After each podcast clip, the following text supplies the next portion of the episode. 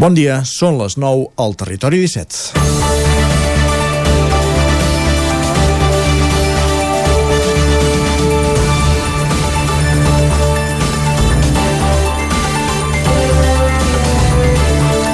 El setembre s'ha tancat a Catalunya amb 12.650 persones a l'atur, menys que el mes d'agost, i actualment a tot el Principat hi ha 378.470 persones a les llistes del SOC.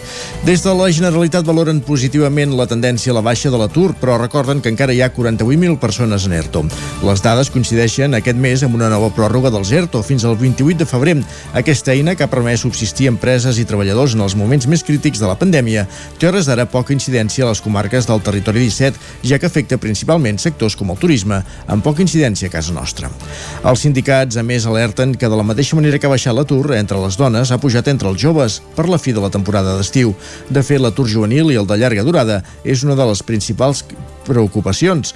La recuperació econòmica i social, però, no passa només per la recuperació de llocs de treball, sinó també per les seves condicions. I aquí és on fa anys que tenim una assignatura pendent. Comencem al Territori 17, a la sintonia de Ràdio Cardedeu, la veu de Sant Joan, Ona Codinenca, Ràdio Vic, el 9 FM i el 9 TV. Territori 17, amb Isaac Moreno i Jordi Sunyer.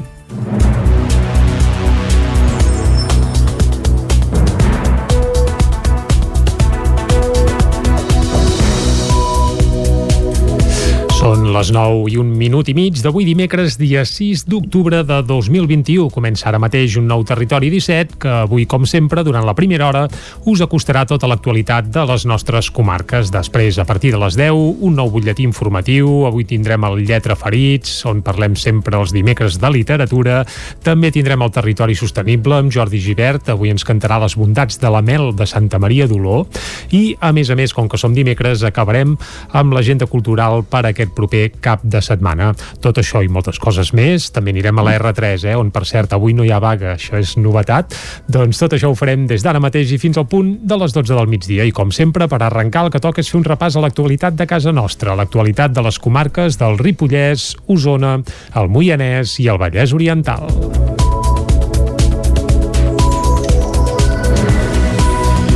L'Ajuntament de Vic ha aprovat prorrogar un any més la declaració de la ciutat com a zona d'habitatge tens. D'aquesta manera s'hi pot aplicar l'índex de preu de referència per regular els lloguers. Vic és un dels 60 municipis catalans considerats àrea d'habitatge tens i on, a base, i on en base a la llei de contenció de rendes de la Generalitat, en els nous contractes s'hi aplica un índex de referència en el preu del lloguer. La llei s'està aplicant a l'espera que el Tribunal Constitucional es pronunciï sobre els recursos d'inconstitucionalitat, ja ho direm bé, que s'hi han presentat. Junts per Catalunya, Esquerra i Capgirent van votar a favor al ple de l'Ajuntament de Vic d'aquest dilluns de prorrogar un any aquesta declaració de Vic com a àrea d'habitatge tens. Els dos grups de l'oposició, però, demanaven que l'ampliació es fes pel termini màxim previst, que és de 5 anys, i no d'any en any com defensa el govern municipal de Junts. Escoltem per aquest ordre a Vic i Terri Cabres, d'Esquerra, Susanna Vives, de Capgirent Vic, i Susagna Roura, regidora d'Habitatge de l'Ajuntament de Vic. La càrrega del cost de lloguer que vostè apuntava no és que superi el 30%, és que està situada amb el 41,36%. Per tant, entenem que tenim un problema important a Vic en matèria d'habitatge. Entenem de que seria molt important que aquesta pròrroga no es fes per un any a veure com evoluciona la llei. Tot plegat fa pensar que vostès no es creuen aquestes polítiques d'habitatge. No obstant, com dic, votarem a favor, malgrat tot, perquè nosaltres ens les creiem i esperem, francament, i esperem de veritat que no sigui només per rentar la imatge. També a veure com evoluciona, si la llei realment és útil o no, encara és una mica d'hora per acabar de veure els resultats, per tant, preferim anar-ho fent any a any, que al final la llei ho permet i, per tant, fem la pròrroga. La regidora del PSC, Carme Tena, es va abstenir i es va mostrar molt crítica amb les polítiques d'habitatge de l'equip de govern. L'escoltem. Actualment, i estirat molt, Vic disposa d'un 2,7% d'habitatge de protecció oficial, quan hauria d'estar al voltant d'un 15%. Amb aquestes polítiques és normal que el preu de l'habitatge sigui elevat a la nostra ciutat. Responent a Atenes, Susagna Roura va recordar que l'Ajuntament ha adquirit dos pisos que seran habitatges de protecció oficial per a joves, que ha augmentat el parc de lloguer assequible a través del projecte INVIC i que l'Ajuntament està pendent de la iniciativa privada en l'estudi sobre els pisos cooperatius a la Serra de Sant Ferm. Àlex Garrido, alcalde de Manlleu des de l'any 2015 i que havia entrat a l'Ajuntament en el mandat anterior com a regidor, assegura que no es presentarà a la reelecció el 2023. Ho afirmava en una entrevista al programa Angle Obert del Nou TV, on deixava clar que el projecte projecte no està esgotat, però que vol ser fidel als seus principis. Àlex Garrido és alcalde de Manlleu. Si preguntessin si el projecte ha acabat, jo diria que no, que encara podria donar més fruits i que tenim idees per, per seguir avançant i seguir transformant la nostra ciutat, però en tot cas eh, sempre eh, he defensat que, que els mandats haurien de, de ser limitats i en aquest cas doncs, eh, no tinc cap previsió de, de fer-me enrere en les paraules que he dit des del primer moment. Garrido també va analitzar els motius pels quals Manlleu forma part de les ciutats amb una incidència més alta de la Covid-19 i també va parlar de quin ha de ser el futur del solar, on fins fa poc hi havia els pisos de Can Garcia. L'antic espai dels pisos de Can Garcia ens és per també un gran repte de transformació del barri de l'Erm. Què més transforma un municipi o fins i tot un barri que la gent jove eh, penso que és important eh, que ja que si tot va bé l'any que ve comencen estudis universitaris a la nostra ciutat, que tinguem allotjament i per què no en un lloc com el barri de l'Erm que sigui eh, capaç de, de sacsejar el, el barri de forma positiva. Per Garrido, doncs, una residència universitària seria l'equipament ideal per agafar el relleu dels pisos de Can Garcia. La Roca del Vallès reclama una actuació urgent per desmuntar l'estructura del peatge de l'AP7. L'Ajuntament diu que l'impacte sobre la mobilitat i el medi ambient és preocupant. Núria Lázaro, des de Ràdio Televisió de Cardedeu. L'Ajuntament de la Roca del Vallès ha demanat una actuació urgent per desmuntar l'estructura del peatge de l'AP7 que es va alliberar el passat 31 d'agost. En un comunicat alerten que l'impacte sobre la mobilitat i el medi ambient d'aquesta falta de concreció és preocupant i el consistori demana compromís ferm per fer les actuacions necessàries per no seguir perjudicant la ciutadania de la Roca del Vallès. En aquest sentit, alerten que la libertació del peatge de l'autopista ha comportat un augment del trànsit a la vegada que no s'ha adequat la via i es formen moltes retencions pràcticament a diari. Per l'Ajuntament, l'obertura de vials és una mesura totalment insuficient i reclama que s'actuï urgentment per desmuntar tota l'estructura del peatge. L'alcalde de la Roca del Vallès, Albert Gil, destaca que la Roca sempre ha estat solidària amb el país i ara reclamen que s'inverteixi per donar una mica més de suport a la seva gent. L'aixecament de les barreres del peatge ha tingut un impacte, segons el consistori, preocupant i volen que es prenguin mesures perquè no es perjudiqui la qualitat de vida del veïnat. Caldes de Montbui edita una guia amb tots els serveis per la gent gran que s'ofereixen al poble. Caral Campàs, des d'Ona Codinenca. L'Ajuntament de Caldes ha presentat la primera guia de serveis per la gent gran, un document que portava s'estava portant gestant des de fa 3 anys i que recopila la quarantena de recursos municipals disponibles per a aquest col·lectiu i per les seves famílies. La regidora de gent gran activa, Núria Carné, n'explicava els continguts. Està organitzada amb quatre, amb quatre temes, diguéssim. Tenim serveis assistencials, tenim lleure i formació, tenim atenció sanitària i serveis de mobilitat. Llavors, com us deia, l'objectiu és donar a conèixer aquests 40 serveis i recursos ja existents i també orientar tant a les famílies com a les pròpies persones grans que eh, a on han d'anar a demanar més informació, com s'ha de sol·licitar aquest servei, tota aquesta informació tenir-la una miqueta més clara. Val? La guia permetrà donar visibilitat a un ampli catàleg de serveis que està disponible actualment, part dels quals encara són poc coneguts pels usuaris potencials. Per exemple, el servei d'assessoria jurídica gratuït o el programa municipal d'activitats Gent Gran Activa que organitzen conjuntament l'Ajuntament de Caldes i la Fundació Santa Susana. Josep Maria Ferrer, president de l'Associació Jardí Santa Susana, i membre de la comissió que ha participat en l'elaboració de la guia, considera que serà una eina molt útil. Podem tenir tots, els, tots els... Eh, tot el que hi ha dintre, dintre de, del formulari de la gent gran, per dir-ho manera. Sí. I a partir d'aquí pues, podem servir tots els serveis que hi ha, tots els serveis que ofereix l'Ajuntament. És excel·lent això, o sigui, mai, mai havia vist una cosa tan, tan clara tan clar, mai es havia especificat tan, tan bé. Hi havia potser alguns serveis? Sí, però en serveis eh, soltes, així, eh, mm. però eh, està molt, molt ben reunit i això pues, és per recomanar-ho de la guia de serveis per la gent gran se'n imprimiran uns 3.000 exemplars que es faran arribar en les properes setmanes a tots els domicilis de Caldes on es tingui constància que hi viu alguna persona major de 65 anys. També es podrà trobar als equipaments municipals i a les entitats vinculades directament amb aquests col·lectius. Aquest divendres podran tornar a obrir les discoteques. La reobertura de l'oci nocturn en espais interiors es farà amb un aforament del 70% a la pista de ball i ús de la mascareta. I ja veig, Isaac, que et poses a to i ens hi poses música bueno, i tot, eh, per sí, celebrar-ho. Sí, però fa alguns dies, a, a les discoteques de fa alguns dies, sí. I és que tens raó, perquè el govern de la, Generali de la Generalitat ho va avançar ahir. A partir d'aquest divendres, l'oci nocturn podrà tornar a obrir portes després de gairebé 18 mesos ininterromputs amb les persianes abaixades. Les persones que vulguin accedir als locals hauran d'acreditar el certificat Covid amb la pauta completa o bé presentar una prova diagnòstica negativa. Un cop a dins es podrà ballar a la pista i s'haurà de portar mascareta en tot moment, excepte quan s'estigui consumint. El secretari del Gremi de Discoteques de Barcelona i província, Ramon Mas, ha avançat que l'horari de tancament serà fins a les 5 de la matinada entre setmana i fins a les 6 els dissabtes i diumenges i sempre amb l'aforament limitat al 70%. La portaveu del govern, Patricia Plaja, ja va anunciar ahir que avui es presentarà la resolució al Tribunal Superior de Justícia de Catalunya i que no contemplen la possibilitat que no avali la proposta. En el cas d'Osona, fins avui cap de les discoteques i sales de festa que estan tancades des de fa mesos ha fet públic si ja obriran aquest cap de setmana. D'altra banda, la Comissió de Salut Pública va aprovar ahir també administrar la tercera dosi als més grans de 69 anys. El vaccí de Pfizer o Moderna es començarà a posar a finals d'octubre, un cop hagin passat 6 mesos des de la segona dosi. Més endavant es posarà la tercera dosi de reforç a la franja d'entre 65 i 69 anys.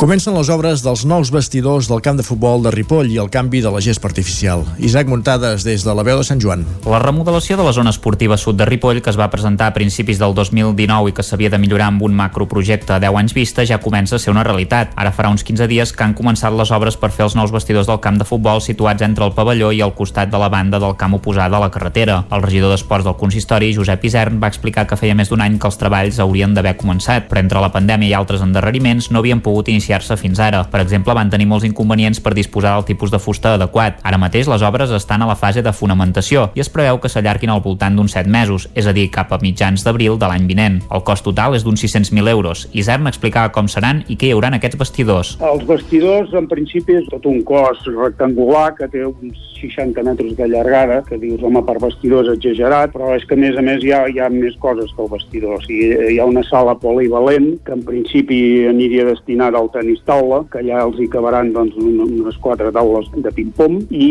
allà serà el, el local habitual d'entreno, perquè a dia d'avui doncs, tenen el sota de la lira, que no és un lloc adequat per fer esport. Llavors hi haurà aquesta sala, que té uns 150 metres quadrats, i llavors a la part nord, diguéssim, hi hauria doncs, el que són els vestidors del, del, del futbol, que hi haurà doncs, uns quatre vestidors grossos, que hi haurà uns que es podran partir per la meitat, i llavors hi haurà també dos vestidors per àrbit. Part d'això hi haurà la, un quarto per les calderes i un quarto per, per posar doncs, diferents objectes que, hi puguin haver, doncs, pilotes, en fi, tot el material. També es canviarà la gespa del camp de futbol 11, que ja tenia 12 anys i estava arribant al final de la seva vida útil. Com que el cost de llançar aquesta gespa artificial a l'abocador era el mateix que utilitzar-la pel camp de futbol 7 del camp de terra de baix, es posarà allà per fer un terreny de joc d'uns 60 metres de llargada per uns 25 d'amplada. Ara també s'està arreglant la solera del camp de futbol 11 i en un mes o mes i mig, Vora Secs hi posarà la nova gespa amb una vida útil d'uns 13 anys, ja que l'actual començava a tenir forats i era fàcil entrebancar-se. Les dues actuacions tindran un cost de 306.000 euros i de moment els equips de futbol del Ripoll entrenaran i jugaran al camp del Camp de Bànol i el del Montesquieu.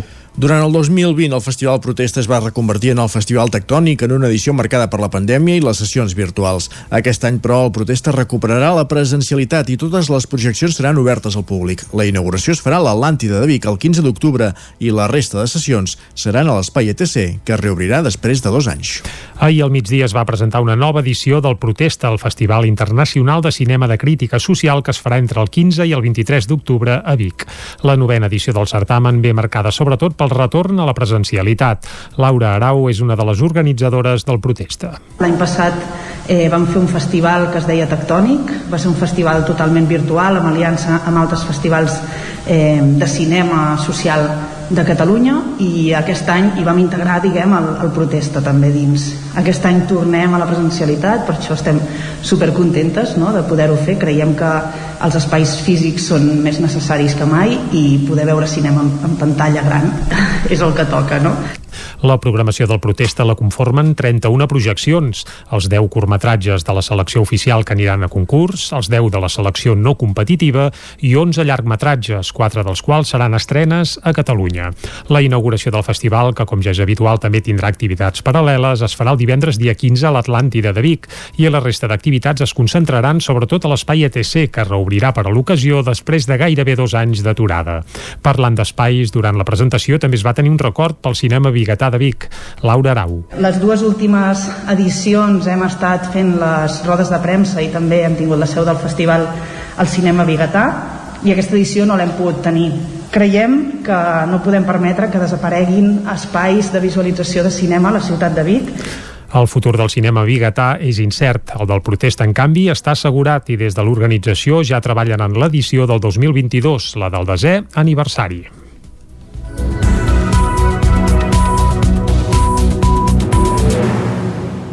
Moment ara que va del repàs informatiu d'anar pel temps.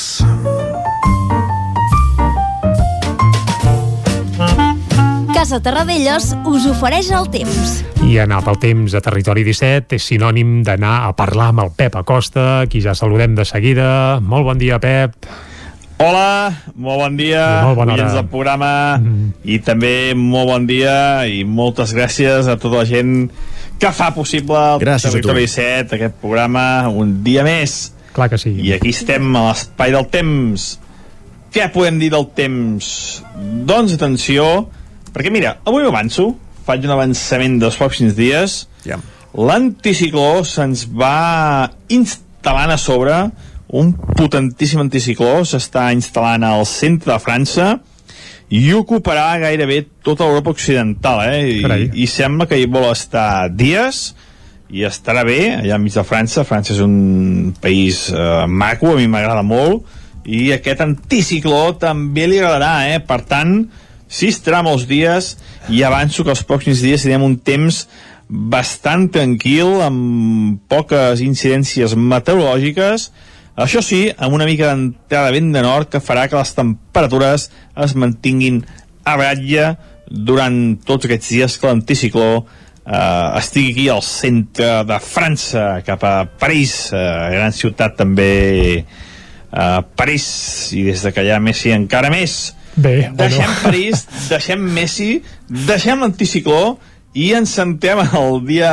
d'avui, que ens hem llevat amb unes temperatures eh, una mica més altes que les d'ahir. Eh, hi ha més núvols, hi ha una petita precipitació que al prelitoral, eh, molt poca cosa, i unes precipitacions que aniran a menys, eh, en el dia d'avui no n'hi ha a més, sinó que n'hi ha a menys, i serà, seran molts pocs litres els que avui s'acumularan. I això, eh, eh sempre dic, eh, quan hi ha núvols, és, és, com, és com un matalàs, és com un matalàs i fa que les temperatures pugin una mica.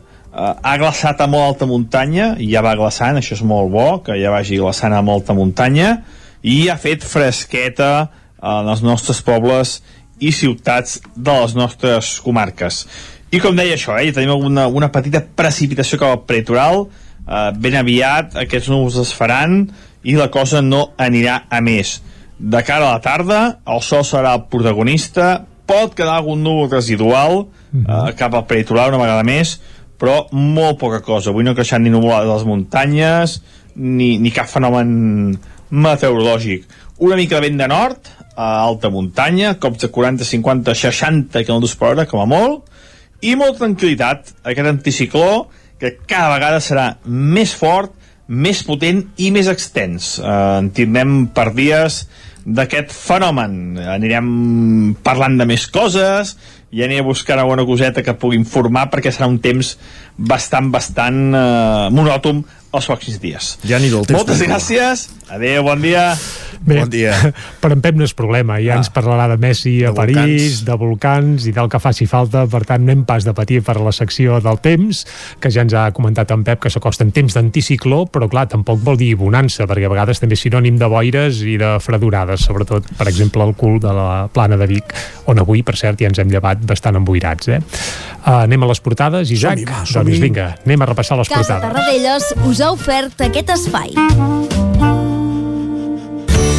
Territori 17. Envia'ns les teves notes de veu per WhatsApp al 646 079 023. 646 079 023. WhatsApp Territori 17.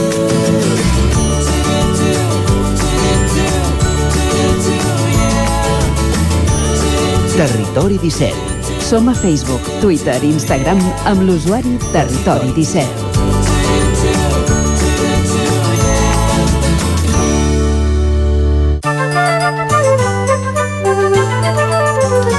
Doncs vinga, som al bar, cafè davant a la taula, el diari davant i abans d'obrir-lo, què diuen les portades, Jordi Sunyer? Va, doncs, què diuen les portades? Uh, doncs que ja podem anar a la discoteca. Comencem pel punt avui. Bé, uh, no podem anar a la discoteca, s'hi podrà anar a partir de dijous a les Dijous. 12 de la nit, per tant, Correcte. a partir de divendres, i sempre i quan estiguin obertes, eh? Sí, Perquè hem també fet un un- cop d'ull a les de la nostra comarca i de moment cap encara De fet, és, ha és, dit la, si obriria. és la primera queixa de, del sector que diuen que no tenen marge ara.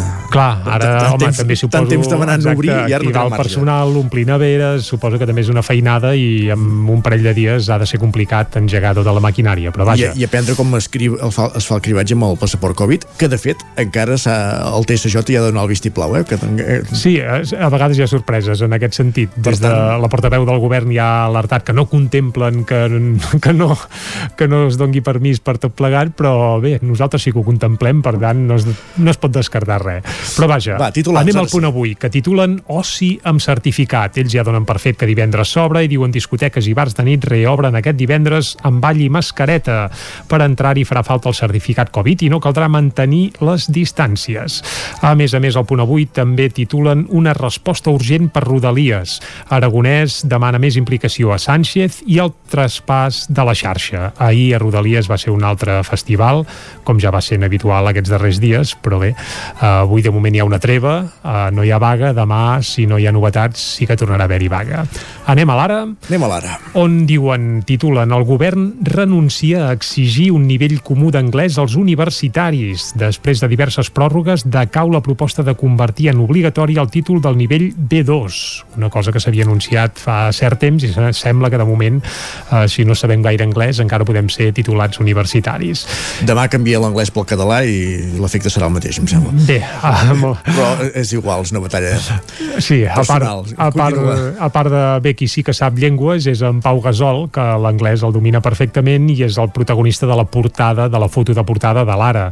I obre cometes i diu vull tornar a l'esport tot el que m'ha donat. I és que ahir Pau Gasol va llogar al Gran Teatre del Liceu per fer una espècie de roda de premsa per dir que s'acomiadava del bàsquet en actiu. Uh, abans, fem un apunt, Jordi, un parèntesi ràpid, home, i que abans comentaves que hem fet un cop d'ull a les discoteques de, del nostre entorn i encara no en tenim notícies. Mhm. L'Era del Sot uh, ja anuncia divendres i dissabte, tornem a ballar de 8 del vespre a 6 de la matinada, reserva taula per sopar, el, el telèfon, el podem dir, de fet és públic. Sí, tant. 621 292 034. Per tant, primera discoteca Bé, cal del dir nostre que entorn. l'Era del Sot ja havia reobert fa un parell de setmanes com a, entre cometes, més amb un perfil de restaurant que de discoteca. Correcte, sí, sí, però, I però ara ja fan sí, la- ara, doncs ja l'evolució, perquè doncs... quan sembla que obrien a les 6, ara ja obren a les 8 i fins a les 6 de la matinada. Guaita que bé, doncs ja, ja tens deures pel cap de setmana, si, si vols. Anem a l'avantguàrdia, va. Uh, Sánchez, en aquest cas, evidentment, es refereixen a Pedro Sánchez, encarrila els pressupostos al pactar la llei de l'habitatge amb Unides Podem. Després també titulen una escultura de Plensa, uh, demanarà silenci a Manhattan i fan una espècie de fotomuntatge amb aquesta escultura que hi haurà uh, d'aquí un temps, sembla, a Nova York. També una foto força gran per Pau Gasol, que diu emocionat adeu de Pau Gasol uh, i es veu gairebé plorant eh? aquí el Pau Gasol en aquesta foto és una foto diferent a la que apareixia al diari ara i diferent també de la que apareix al periòdico que evidentment la foto protagonista també és pel Pau Gasol que amb la seva filla en braços diu Pau Gasol abaixa el taló uh, evidentment té gràcia aquest, aquest titular perquè clar ho va fer el Liceu on evidentment hi ha taló també eh? uh, la foto doncs com dèiem és per Pau Gasol i el titular principal és un que explica l'Estat intervendrà el preu dels lloguers. Això expliquen uh, al periòdico on també es fan referència a la vaga de Rodalies d'ahir i parlen d'uns quants casos concrets. Els sofridores, diuen ells, de la vaga de Rodalies. Hi ha un, quatre o cinc persones explicant el calvari que estan visquent aquests dies amb les vagues de, de Renfe. Anem a les portades de Madrid. Anem-hi, va, comencem pel país. El pacte pel pressupost eleva les pensions més amunt del 2%. Això és el que titula el país. La foto de portada també és per Pau Gasol, concretament la mateixa foto gairebé, o s'assembla molt a la de la Vanguardia, i eh, diuen això, que Pau Gasol doncs, penja les, les botes. També França troba més de 200.000 víctimes de la pederàstia a l'Església, una xifra que, que evidentment fa faradat i que és pràcticament espectacular. Deixem el país i anem a la Razón. Uh, la foto també és per Pau Gasol amb Home, el cap cot que i no es, poden queixar, plorant. no es poden queixar que no el durien entendre, no? No, en aquest cas eh, és evident que Pau Gasol, bé, els colors sempre ha sentit els de la selecció espanyola i no ha tingut pas mai cap eh, eh, bé, cap mania per anar-los a defensar i diuen Pau Gasol emocionat a Déu a una llegenda i aquest és la foto i un dels titulars principals de la Razón, però també atenció perquè també titulen Esquerra Republicana assumarà el pacte pels pressupostos es refereix als pressupostos de l'estat espanyol per tant ja donen per fet que Esquerra hi donarà suport, cosa que tampoc és una sorpresa mundial, però vaja. Anem al Mundo, Podemos arrastra Sánchez a la intervenció radical del lloguer. Aquí hi posen força cullerada tothom que ho llegeixi per on vulgui, però arrastra és eh, textual i a la intervenció radical Del- del lloguer. Això és el que titula El Mundo. Bàsicament perquè hi ha aquest xec, diu, ha promès aquest xec pels joves per fomentar el lloguer entre els joves de 250 euros, que veurem com acaba tot això, perquè dins el mateix govern no ho veuen clar. En fi. Bé, la foto del Mundo també és per Pau Gasol, adeu a una llegenda i obre cometes, diu no me'n volia anar amb crosses. Això és el que diu Pau Gasol. I per acabar fem un cop d'ull a l'ABC, la foto també és per Pau Gasol i li diuen gràcies, Pau. Però després hi ha Don Juan Carlos, una cita textual de l'ex Borbó, Borbó. bueno, encara No, Borbó, encara ho és, és, encara, sí. i diu, el rei saudita em va donar 36 milions de dòlars per la transició. Cita textual de Juan Carlos de Borbón. El rei saudita em va donar 36 milions de dòlars per fer la transició. Mare meva. Res més a afegir, fem una pausa Res i tornem d'aquí, res, 3 minuts, fins ara mateix. El nou FM, la ràdio de casa, al 92.8. Vols noves sensacions en un ambient dels anys 80? Vine al restaurant 80s Spirit Peak. Emocions i bon menjar. Costelles amb salsa de barbacoa, 8 tipus d'amanides, hamburgueses 100% de carn de vedella, carn a la brasa, pollastre, plats combinats, varietat en tapes, hamburgueses per a vegans i vegetarians... Disposem de terrassa amb un ambient acollidor. Descomptes especials per a universitaris. 80s Spirit Peak. Ens trobaràs a la plaça de la Pietat 2 de Vic. Reserves al 93 679 44 43. OBS, la marca de moda líder a Itàlia, arriba a Vic amb la col·lecció per nens fins a 15 anys. Vesteix els petits amb roba OBS, peces fabricades amb cotó orgànic pensades especialment per la pell dels infants. El cotó orgànic d'OBS està cultivat sense pesticides i amb un impacte reduït en el medi ambient. OBS, des d'Itàlia per tu, al carrer Argenters 20 de Vic. Això és el que s'escolta al voltant d'una caldera saunia d'Oval. Tranquilitat i benestar, perquè gaudeix del millor manteniment del servei tècnic oficial per estar despreocupat. O el que vulgui. Informis a Oficiat Nord trucant al 938860040. Saunia d'Oval, sempre al seu costat. Cefusol, centre de formació de soldadura GURB. Som especialistes en processos de soldadura. Disposem d'instal·lacions totalment equipades per a classes de teòrica i pràctica amb cabines individuals i equipaments de seguretat. Assessorem empreses i oferim cursos subvencionats i bonificats. Vine i t'informarem. Cefusol, som al carrer Sant Roc número 21 de GURB. Telèfon 664 206 192. També ens trobaràs a cefusol.com i a YouTube. Diumenge 10 d'octubre, Ceba torna a ser l'epicentre dels bolets a Catalunya. 23a edició de la Festa del Bolet. Parades, tastets, exposicions i concursos. I si ets dels que els costa trobar-los, participa a la sortida guiada. La Simforosa posarà la música a la jornada amb la seva xaranga. El 10 d'octubre tens una cita amb els bolets a Ceba. El racó de León. Gaudeix de la nostra terrassa. Vine a tastar les xuletilles de l'Echal a la brasa amb una bona amanida o el xuletón de vedella gallega. No et pots perdre el nostre lechado de Castilla al forn o el cochinillo a l'estil de Segovia. Tot acompanyat del millor celler, al menjador o fora la terrassa. Descobreix la millor cuina de Lleó sense moure't de casa. Vine amb la família, els amics, la parella o sol. T'encantarà. El racó de León, cuina tradicional lleonesa i de mercat. Som al carrer Torelló número 35 de Vic. Per reserves, telèfon 93 889 1950. El racó de León, una cuina diferent. Som especialistes en cargols a la llauna. Vine a tastar-los al racó de León.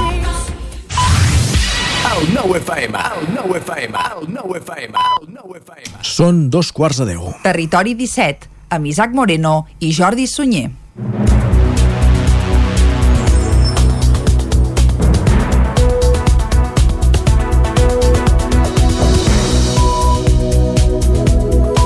I a dos quarts de deu en punt toca acostar-vos de nou tota l'actualitat de les nostres comarques. Després, abans de les 10, hi posarem una mica de música, avui monovocàlica, ja descobrireu què vol dir d'aquí una estona. Després, a les 10, tornarem amb més informació, anirem a l'entrevista avui per parlar amb la gent de la Granja La Bassola, ho farem des d'una codinenca. També tindrem temps de parlar de literatura, el Lletra Ferits. Avui, anirem... vermuts literaris. Vermuts literaris, interessant. I a més a l'hora que, que arribarà Sisena, sisena edició, sí. Fantàstic, doncs coneixerem els detalls dels vermuts literaris. I a més a més també sabrem o podrem tastar radiofònicament costa, eh? però la mel d'olor, això eh, hi anirem amb el Jordi Givert al territori sostenible i a la última hora del territori 17 i acabarem com tots els dimecres fent un repàs a l'agenda cultural per aquest proper cap de setmana, marcat entre d'altres doncs per exemple pel Festival de Jazz de Vic que arrencarà eh, demà dijous, però això ho repassarem a la part final d'un programa que ara segueix, tot acostant-vos de nou l'actualitat de casa nostra, de casa vostra, de les comarques, del Ripollès, Osona, el Moianès i el Vallès Oriental.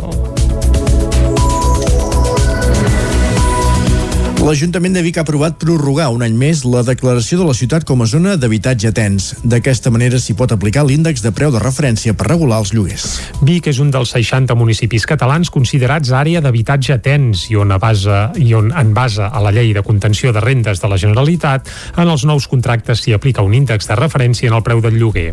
La llei s'està aplicant a l'espera que el Tribunal Constitucional es pronunciï sobre els recursos d'inconstitucionalitat, ja ho direm bé, que s'hi han presentat. Junts per Catalunya, Esquerra i Capgirent van votar a favor al ple de l'Ajuntament de Vic d'aquest dilluns de prorrogar un any aquesta declaració de Vic com a àrea d'habitatge tens. Els dos grups de l'oposició, però, demanaven que l'ampliació es fes pel termini màxim previst, que és de 5 anys, i no d'any en any com defensa el govern municipal de Junts. Escoltem per aquest ordre a Vic i Terri Cabres, d'Esquerra, Susanna Vives, de Capgirent Vic, i Susagna Roura, regidora d'Habitatge de l'Ajuntament de Vic. La càrrega del cost de lloguer que vostè apuntava no és que superi el 30%, és que està situada amb el 41,36%. Per tant, entenem que tenim un problema important a Vic en matèria d'habitatge. Entenem de que seria molt important que aquesta pròrroga no es fes per un any a veure com evoluciona la llei. Tot plegat fa pensar que vostès no es creuen aquestes polítiques d'habitatge. No obstant, com dic, votarem a favor, malgrat tot, perquè nosaltres ens les creiem i esperem, francament, i esperem de veritat que no sigui només per rentar la imatge. També a veure com evoluciona si la llei realment és útil o no, encara és una mica d'hora per acabar de veure els resultats, per tant, preferim anar-ho fent any a any, que al final la llei ho permet i per tant fem la pròrroga. La regidora del PSC, Carme Tena, es va abstenir i es va mostrar molt crítica amb les polítiques d'habitatge de l'equip de govern. L'escoltem. Actualment, i estirat molt, Vic disposa d'un 2,7% d'habitatge de protecció oficial, quan hauria d'estar al voltant d'un 15%. Amb aquestes polítiques és normal que el preu de l'habitatge sigui elevat a la nostra ciutat. Responent a Atenes, Susagna Roura va recordar que l'Ajuntament ha adquirit dos pisos que seran habitatges de protecció oficial per a joves, que ha augmentat el parc de lloguer assequible a través del projecte INVIC i que l'Ajuntament està pendent de la iniciativa privada en l'estudi sobre els pisos cooperatius a la Serra de Sant Ferm. Àlex Garrido, alcalde de Manlleu des de l'any 2015 i que havia entrat a l'Ajuntament en el mandat anterior com a regidor, assegura que no es presentarà a la reelecció el 2023. Ho afirmava en una entrevista al programa Angle Obert del Nou TV, on deixava clar que el projecte projecte no està esgotat, però que vol ser fidel als seus principis. Àlex Garrido és alcalde de Manlleu.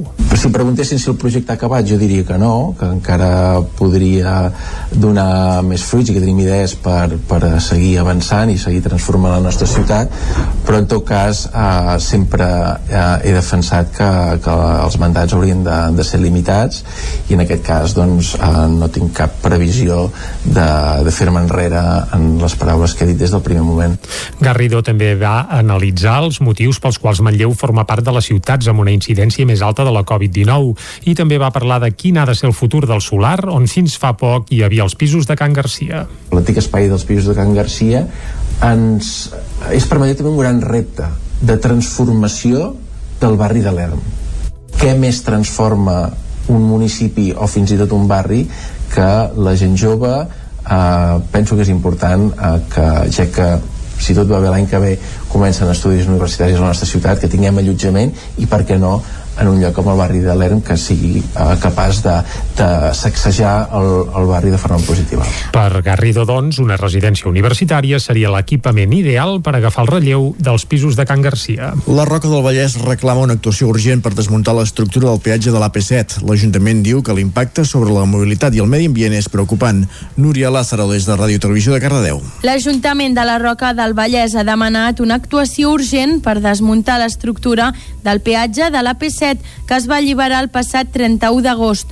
En un comunicat alerten que l'impacte sobre la mobilitat i el medi ambient d'aquesta falta de concreció és preocupant i el consistori demana compromís ferm per fer les actuacions necessàries per no seguir perjudicant la ciutadania de la Roca del Vallès. En aquest sentit, alerten que la libertació del peatge de l'autopista ha comportat un augment del trànsit a la vegada que no s'ha adequat la via i es formen moltes retencions pràcticament a diari. Per l'Ajuntament, l'obertura de vials és una mesura totalment insuficient i reclama que s'actuï urgentment per desmuntar tota l'estructura del peatge. L'alcalde de la Roca del Vallès, Albert Gil, destaca que la Roca sempre ha estat solidària amb el país i ara reclamen que s'inverteixi per donar una mica més de suport a la seva gent. L'aixecament de les barreres del peatge ha tingut un impacte, segons el consistori, preocupant i volen que es prenguin mesures perquè no es perjudiqui la qualitat de vida del veïnat. Caldes de Montbui edita una guia amb tots els serveis per la gent gran que s'ofereixen al poble. Caral Campàs, des d'Ona Codinenca. L'Ajuntament de Caldes ha presentat la primera guia de serveis per la gent gran, un document que portava s'estava portant gestant des de fa 3 anys i que recopila la quarantena de recursos municipals disponibles per a aquest col·lectiu i per les seves famílies. La regidora de gent gran activa, Núria Carné, n'explicava els continguts. Està organitzada amb quatre, amb quatre temes, diguéssim. Tenim serveis assistencials, tenim lleure i formació, tenim atenció sanitària i serveis de mobilitat.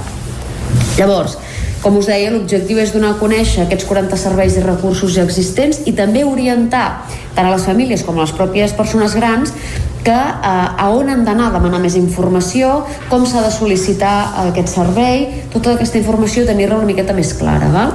La guia permetrà donar visibilitat a un ampli catàleg de serveis que està disponible actualment, part dels quals encara són poc coneguts pels usuaris potencials. Per exemple, el servei d'assessoria jurídica gratuït o el programa municipal d'activitats Gent Gran Activa que organitzen conjuntament l'Ajuntament de Caldes i la Fundació Santa Susana.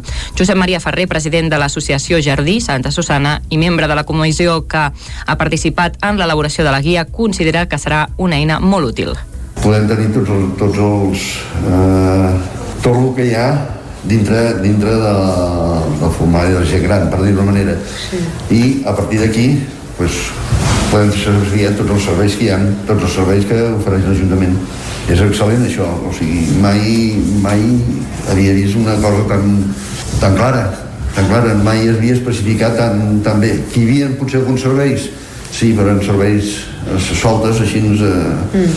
però eh, està molt, molt, molt ben reunit i això pues, és per recomanar-ho de la guia de serveis per la gent gran se'n imprimiran uns 3.000 exemplars que es faran arribar en les properes setmanes a tots els domicilis de Caldes on es tingui constància que hi viu alguna persona major de 65 anys. També es podrà trobar als equipaments municipals i a les entitats vinculades directament amb aquests col·lectius.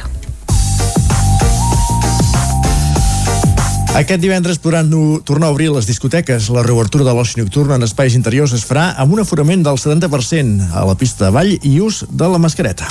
I ja veig, Isaac, que et poses a to i ens hi poses música bueno, i tot, eh, per sí, celebrar-ho. però de fa alguns dies, de, a les discoteques de fa alguns dies, sí.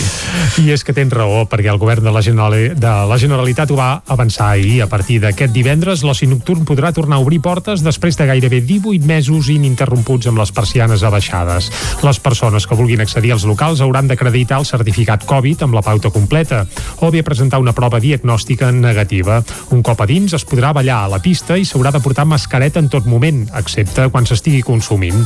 El secretari del Gremi de Discoteques de Barcelona i província, Ramon Mas, ha avançat que l'horari de tancament serà fins a les 5 de la matinada entre setmana i fins a les 6 dels dissabtes i diumenges i sempre amb l'aforament limitat al 70%. La portaveu del govern, Patricia Plaja, ja va anunciar ahir que avui es presentarà la resolució al Tribunal Superior de Justícia de Catalunya i que no contemplen la possibilitat que no avali la proposta. En el cas d'Osona, fins avui cap de les discoteques i sales de festa que estan tancades des de fa mesos ha fet públic si ja obriran aquest cap de setmana. D'altra banda, la Comissió de Salut Pública va aprovar ahir també administrar la tercera dosi als més grans de 69 anys. El vaccí de Pfizer o Moderna es començarà a posar a finals d'octubre, un cop hagin passat sis mesos des de la segona dosi. Més endavant es posarà la tercera dosi de reforç a la franja d'entre 65 i 69 anys. Comencen les obres dels nous vestidors del camp de futbol de Ripoll i el canvi de la gespa artificial. Isaac Muntades, des de la veu de Sant Joan. La remodelació de la zona esportiva sud de Ripoll, que es va presentar a principis del 2019 i que s'havia de millorar amb un macroprojecte a 10 anys vista, ja comença a ser una realitat. Ara farà uns 15 dies que han començat les obres per fer els nous vestidors del camp de futbol situats entre el pavelló i el costat de la banda del camp oposada a la carretera. El regidor d'Esports del consistori, Josep Isern, va explicar que feia més d'un any que els treballs haurien d'haver començat, però entre la pandèmia i altres endarreriments no havien pogut iniciar-se fins ara. Per exemple, van tenir molts inconvenients per disposar del tipus de fusta adequat. Ara mateix les obres estan a la fase de fonamentació i es preveu que s'allarguin al voltant d'uns 7 mesos, és a dir, cap a mitjans d'abril de l'any vinent. El cost total és d'uns 600.000 euros. Isern explicava com seran i què hi haurà en aquests vestidors. Els vestidors, en principi, és tot un cos rectangular que té uns 60 metres de llargada, que dius, home, per vestidors exagerat, però és que a més a més hi ha, hi ha més coses que el vestidor. O sigui, hi ha una sala polivalent que en principi aniria destinada al tenis taula, que allà els hi cabaran doncs, unes quatre taules de ping-pong i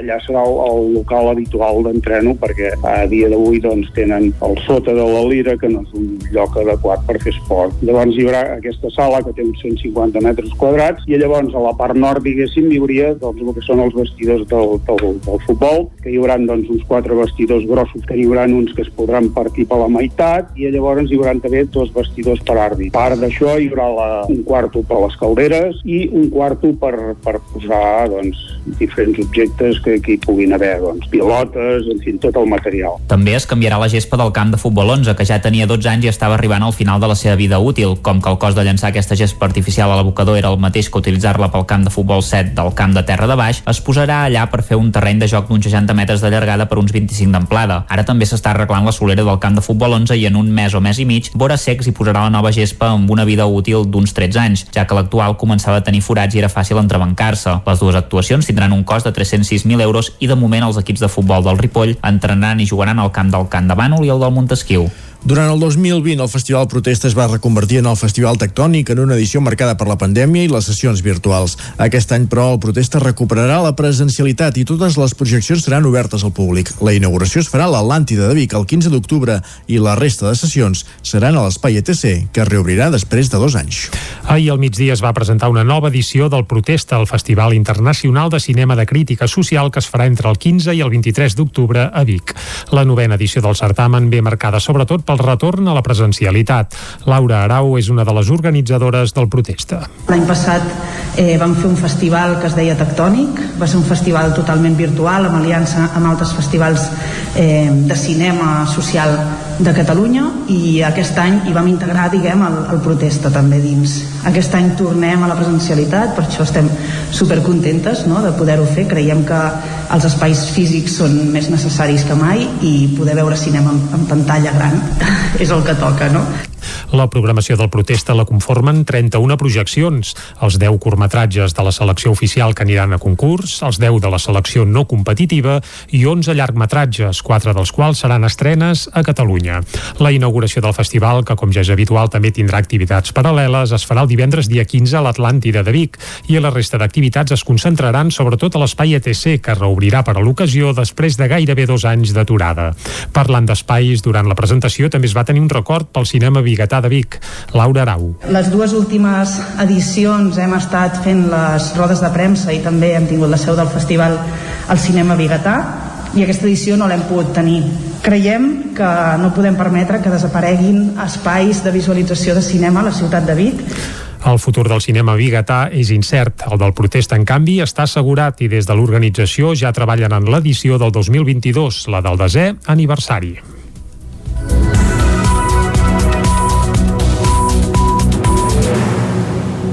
Moment ara acabada el repàs informatiu d'anar pel temps.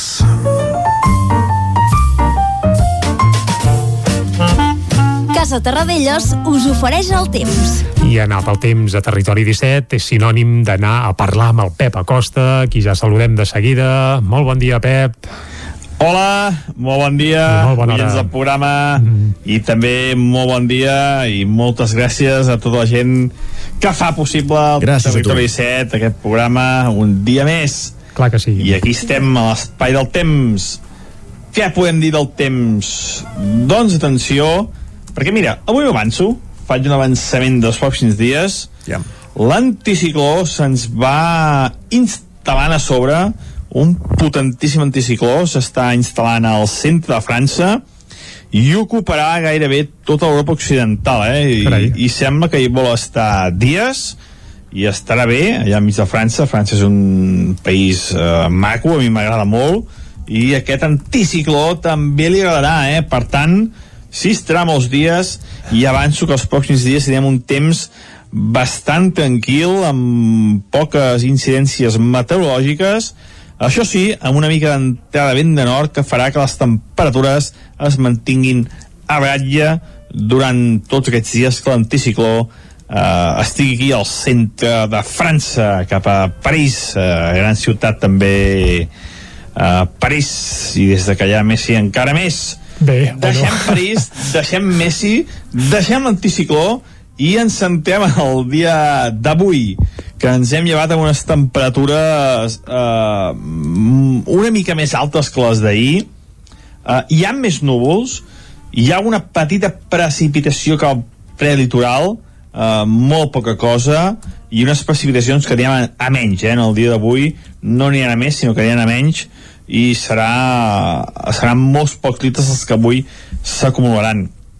I això eh, eh sempre dic eh, quan hi ha núvols és, és, com, és com un matalàs, és com un matalàs i fa que les temperatures pugin una mica. Uh, ha glaçat a molt alta muntanya, ja va glaçant, això és molt bo, que ja vagi glaçant a molta muntanya, i ha fet fresqueta en els nostres pobles i ciutats de les nostres comarques.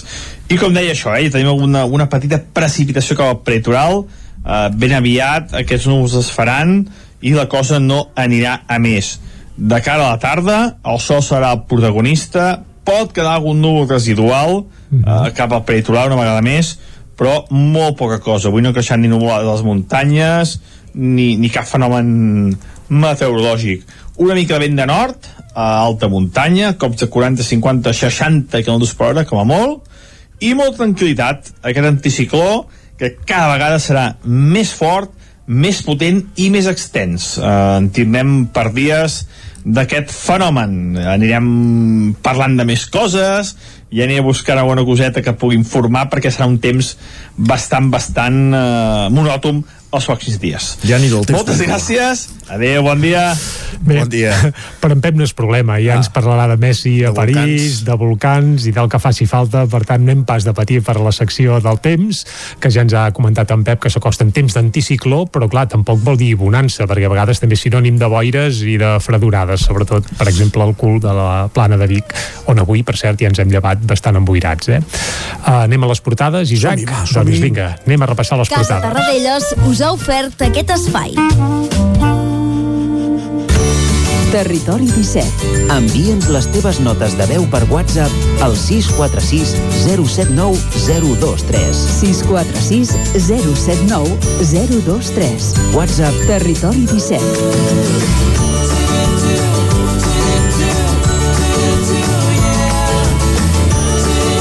Territori 17. Som a Facebook, Twitter i Instagram amb l'usuari Territori 17.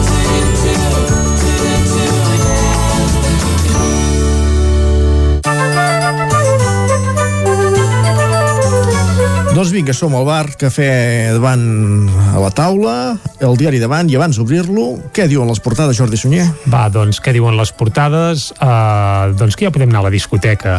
Comencem pel punt avui. Bé, uh, no podem anar a la discoteca, s'hi podrà anar a partir de dijous a les Dijous. 12 de la nit, per tant, a partir de divendres, i sempre i quan estiguin obertes, eh? Sí, Perquè hem també fet un un- cop d'ull a les de la nostra comarca i de moment cap encara De fet, és, és, la, és la primera queixa de, del sector que diuen que no tenen marge ara.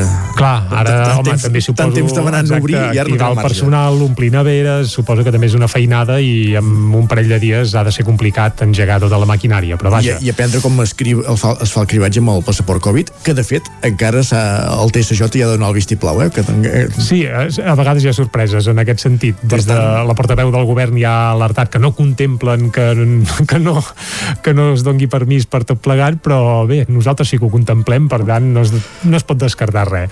Però vaja, Va, titulars, anem al punt avui, que titulen Oci amb certificat. Ells ja donen per fet que divendres s'obre i diuen discoteques i bars de nit reobren aquest divendres amb ball i mascareta. Per entrar-hi farà falta el certificat Covid i no caldrà mantenir les distàncies. A més a més, al punt avui també titulen una resposta urgent per Rodalies.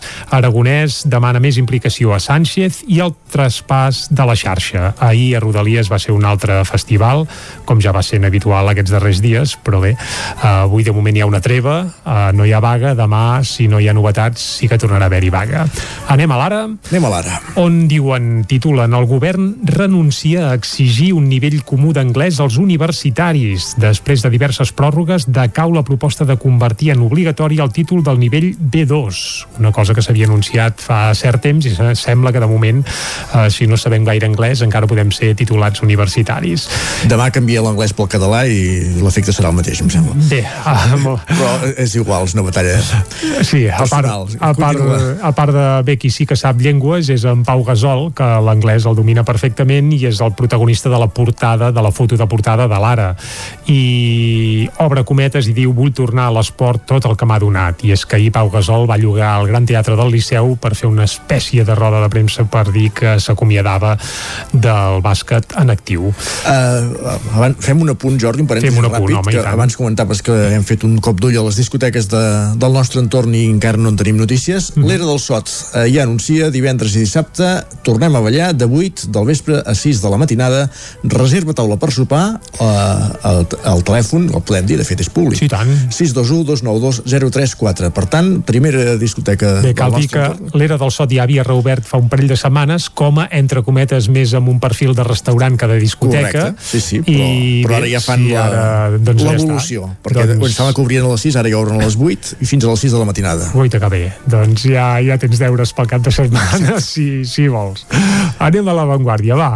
Uh, Sánchez, en aquest cas evidentment es refereixen a Pedro Sánchez, encarrila els pressupostos al pactar la llei de l'habitatge amb Unides Podem.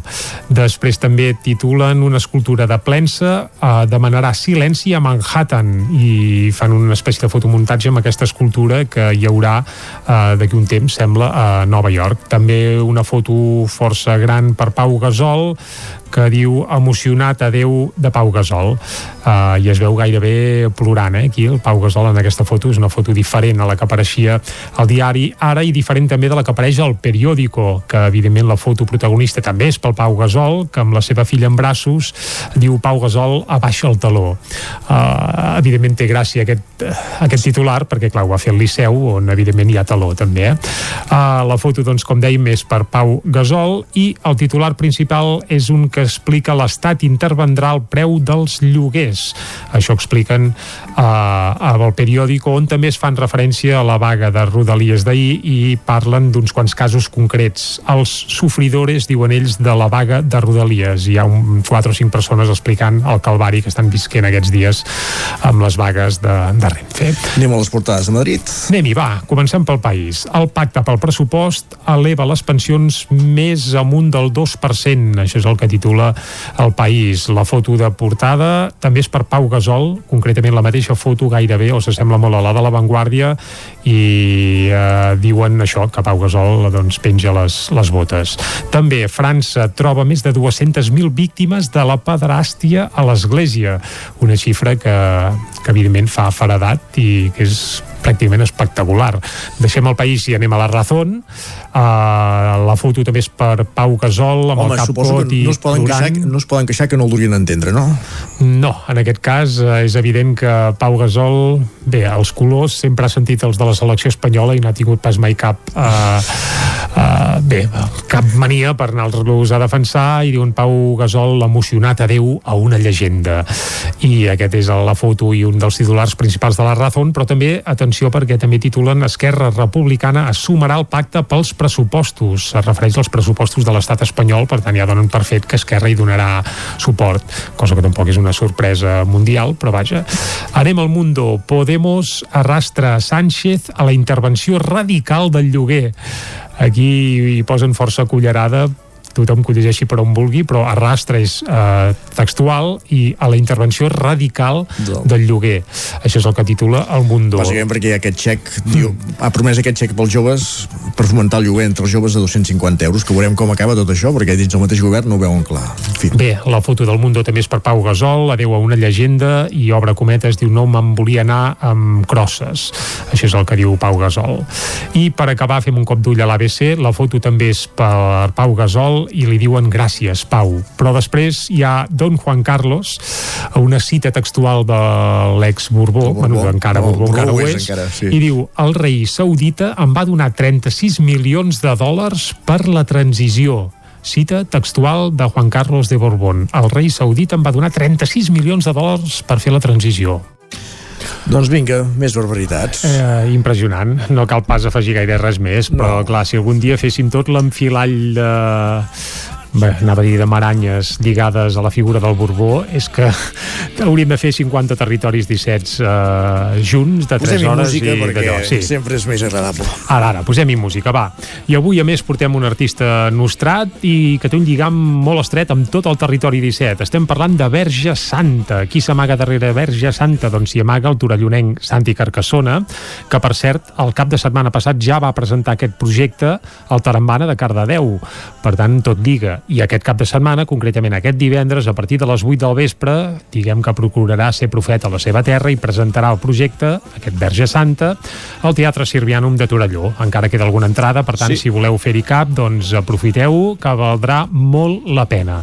I què s'amaga darrere Verge Santa? Doncs bé, en Santi Carcassona, que ara canta en català, però atenció perquè l'EP que presentarà que ja va presentar el Tarambani que presentarà aquest cap de setmana al Sirvianum és monovocàlic què vol dir això, monovocàlic? Doncs que s'ha dedicat a fer cançons només amb una vocal, per tant hi ha una cançó que es titula A, que és la que escoltarem ara fins a arribar al punt de les 10, on totes les fet, ja paraules, fons. sí, ja la sentim de fons, només hi ha la lletra A. N'ha fet una que es diu E, on tots són amb E, una I, O, etc etc. Una cosa curiosíssima i alhora divertidíssima, però també difícil. Uh, difícil entraria, per exemple, a la I, eh? Uh, però avui ens quedarem amb la A de Verge Santa, el més nou de Santi Carcassona, que recordem-ho, aterrarà aquest divendres a partir de les 8 del vespre al Sirvianum de Torelló. Molt aconsellable. Pareu bé l'orella i escoltem A fins a arribar al punt de les 10. Vinga.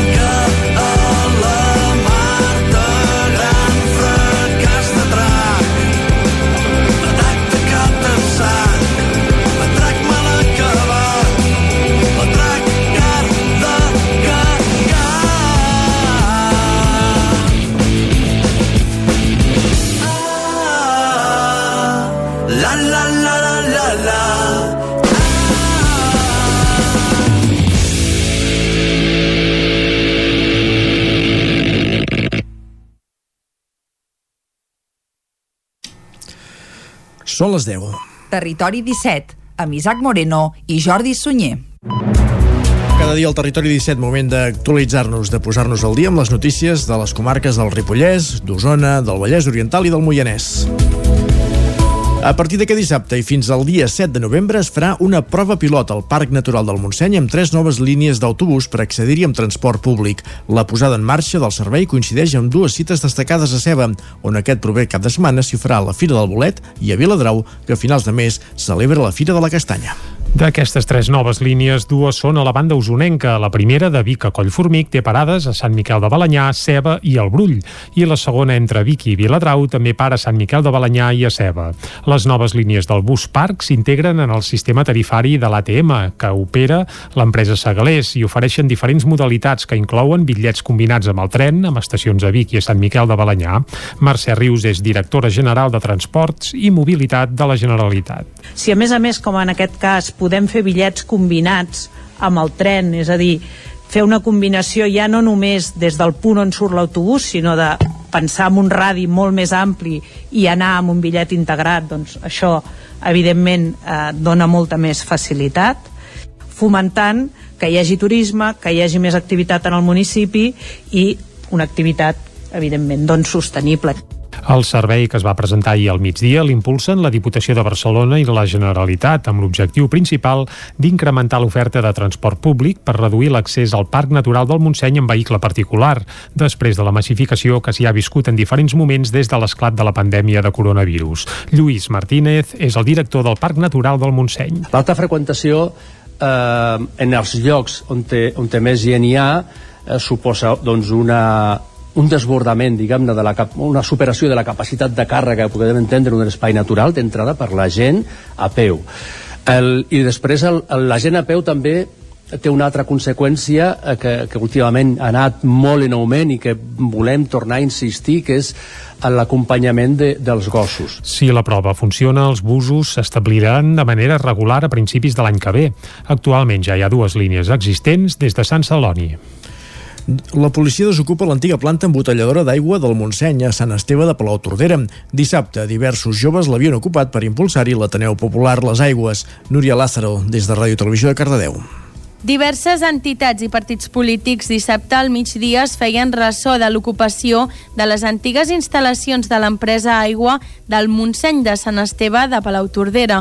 Els impulsors de l'ocupació també havien fet públic un ampli programa d'activitats que s'havien de desenvolupar durant tot el cap de setmana.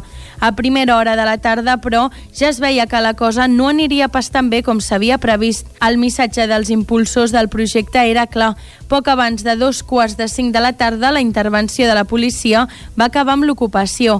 Per aquest motiu es va convocar a una concentració a la plaça de la Vila davant del consistori on es va llegir un manifest en el qual s'expressa que farts de promeses buides per part de l'Ajuntament de Sant Esteve de Palau-Tordera han intentat donar una nova vida a les runes.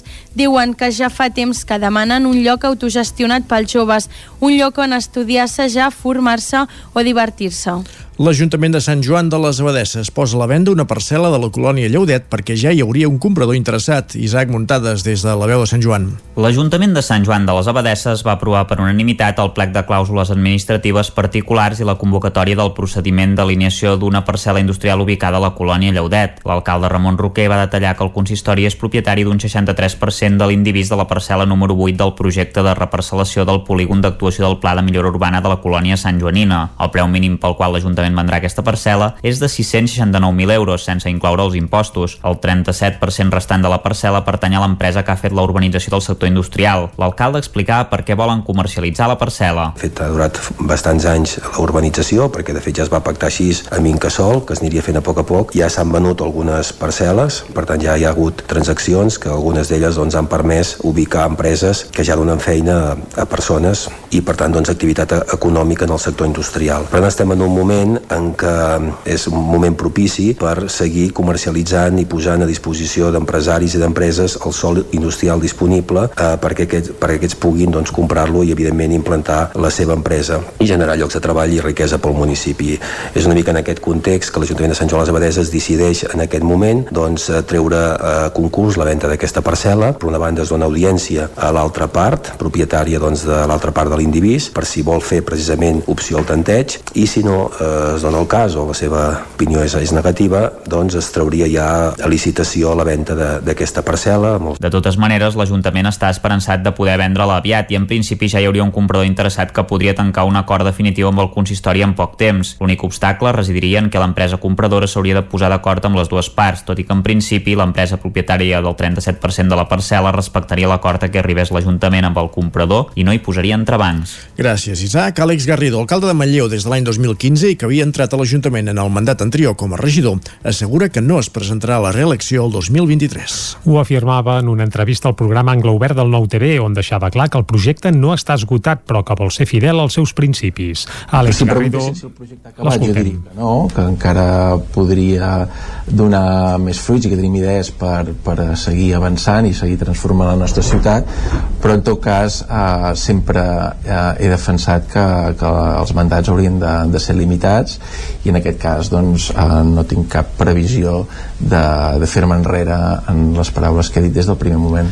Garrido també va analitzar els motius pels quals Manlleu forma part de les ciutats amb una incidència més alta de la Covid-19 i també va parlar de quin ha de ser el futur del solar on fins fa poc hi havia els pisos de Can Garcia.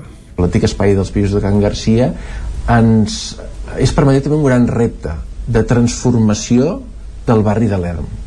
Què més transforma un municipi o fins i tot un barri que la gent jove eh, penso que és important eh, que ja que si tot va bé l'any que ve comencen estudis universitaris a la nostra ciutat que tinguem allotjament i per què no en un lloc com el barri de l'Erm que sigui eh, capaç de, de sacsejar el, el barri de forma positiva.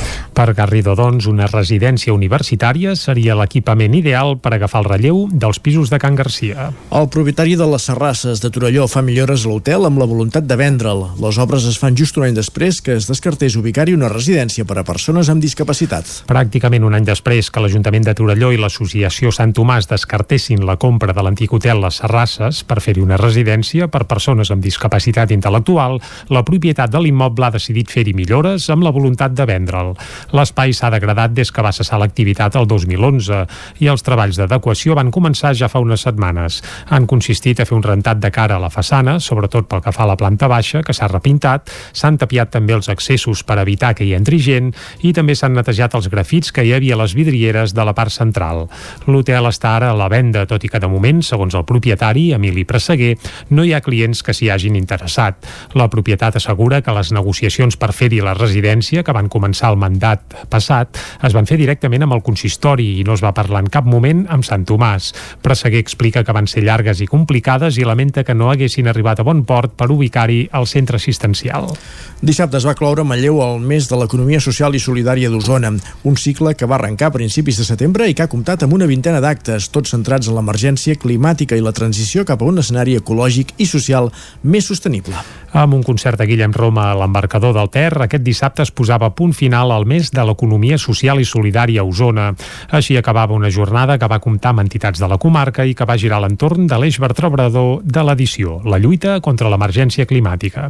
L'objectiu, tal com explica Mireia Frank, sòcia de Sant Bucus, era molt clar. conscienciar conscienciar la població en general i donar a conèixer aquelles propostes concretes que com a ciutadà, com a persona ja podem fer cada un de nosaltres des de la nostra responsabilitat. El mes de l'economia social i solidària a Osona va començar l'1 de setembre. Des de llavors s'han desplegat una vintena d'actes per tota la comarca. Malgrat les limitacions derivades de la pandèmia, l'organització tanca l'edició amb un balanç positiu. Mireia Frank. Hem fet moltes coses, alguns han dit que potser masses, massa concentrades, no?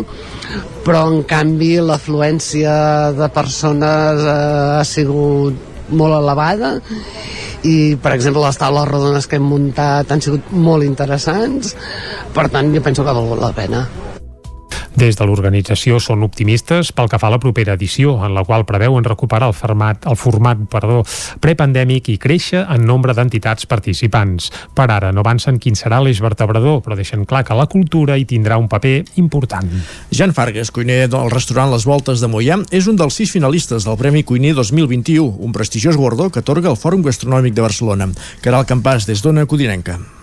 El cuiner de 23 anys, Jan Fargas, de les voltes de Sant Sebastià de Mollà, ha estat nominat al Premi a millor cuiner del Gastronòmic Fòrum de Barcelona, que tindrà lloc entre el proper 18 i 20 d'octubre al recinte de Montjuïc de la Fira de Barcelona. Jan Fargas explica com va rebre la notícia. Sí, bueno, uh, va ser, va, va ser un, un, bueno, un dia que estàvem fent el servei al restaurant mateix i bueno, em va trucar el Pep Palau i el Pep Palau és el director del Fòrum Gastronòmic em va trucar i, i res, em va, o sigui, em va, em va anunciar tal qual això, em va dir, bueno, pel fòrum, aquest, bueno, em va explicar una mica primer eh, la dinàmica que tindria aquest any al fòrum, i així, després em va dir, també em volgut comptar per tu per, pel cuiner de l'any, diguéssim, i clar. Com tot, tots els cuiners saben, diguéssim, és un premi que és una passada. O sigui, no guanyar-lo, sinó només estar nominat. Fargas valora que hagin pos- apostat per cuiners de proximitat i de localitats, on s'aposta també pel producte de quilòmetre zero. El, el món rural té moltíssima importància, el, el món de, del, dels pobles, i, i està molt bé que el Pep i des del Fòrum Gastronòmic eh, donin importància als, als pobles, com jo que sé, com el Joseba, que estan a base de nosaltres que estem a, a, al Moianès. Aviam, que no treu importància als restaurants de Barcelona. Lògicament que no, però sí que eh, aquí dalt, diguéssim, ens costa més que arribi la clientela, per dir-ho d'una manera. El Gastronòmic Fòrum manté enguany la seva aposta per l'alimentació sostenible i vol contribuir a la reactivació econòmica del sector de la restauració. El saló comptarà amb nivells d'ocupació prepandèmia, amb un total de 6.000 metres quadrats d'exposició comercial i prop de 4.000 metres quadrats destinats a més de 70 activitats.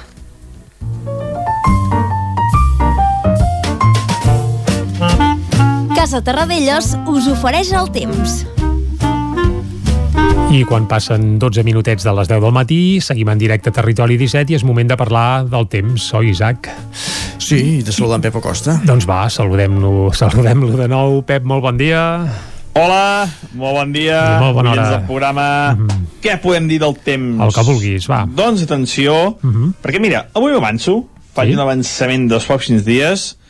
L'anticicló se'ns va instal·lant a sobre, un potentíssim anticicló s'està instal·lant al centre de França i ocuparà gairebé tota l'Europa occidental, eh? I, I sembla que hi vol estar dies i estarà bé, allà enmig de França. França és un país eh, maco, a mi m'agrada molt, i aquest anticicló també li agradarà, eh? Per tant, si estarà molts dies, i avanço que els pròxims dies tindrem un temps bastant tranquil, amb poques incidències meteorològiques, això sí, amb una mica d'entrada de vent de nord que farà que les temperatures es mantinguin a ratlla durant tots aquests dies que l'anticicló eh, estigui aquí al centre de França, cap a París, eh, gran ciutat també eh, París, i des de que hi ha Messi encara més.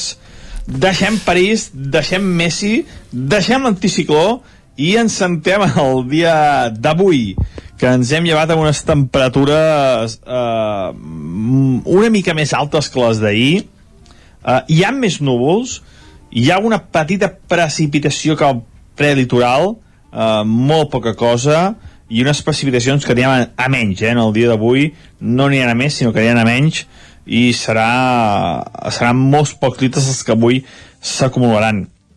I això, eh, eh sempre dic, eh, quan hi ha núvols, és, és, com, és com un matalàs, és com un matalàs i fa que les temperatures pugin una mica. Uh, ha glaçat a molt alta muntanya, ja va glaçant, això és molt bo, que ja vagi glaçant a molta muntanya, i ha fet fresqueta en els nostres pobles i ciutats de les nostres comarques. I com deia això, eh, tenim una, una petita precipitació cap al prelitoral, eh, ben aviat aquests núvols es faran i la cosa no anirà a més. De cara a la tarda, el sol serà el protagonista, pot quedar algun núvol residual eh, cap al prelitoral una vegada més, però molt poca cosa. Avui no creixen ni nuvolades a les muntanyes, ni, ni cap fenomen meteorològic. Una mica de vent de nord, a alta muntanya, cops de 40, 50, 60 km per hora, com a molt, i molta tranquil·litat. Aquest anticicló, que cada vegada serà més fort, més potent i més extens. Eh, en tindrem per dies d'aquest fenomen. Anirem parlant de més coses i aniré a buscar alguna coseta que pugui informar perquè serà un temps bastant, bastant eh, monòtom els pròxims dies. Moltes gràcies i ens retrobem demà. Adéu, bon dia.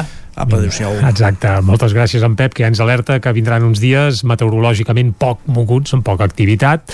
Això no l'acostuma a satisfer gaire. No, no, no. Però, però és el que hi ha. De fet, a l'entorn tampoc, però vaja, què hi farem? Molt bé, va, s'acosta anticicló, però el que s'acosta ara de debò és l'entrevista aquí a Territori 17. Casa Tarradellas us ha ofert aquest espai.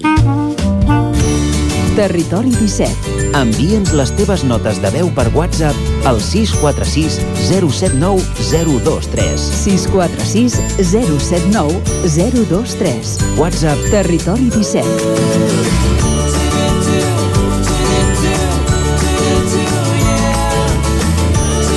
Territori 17.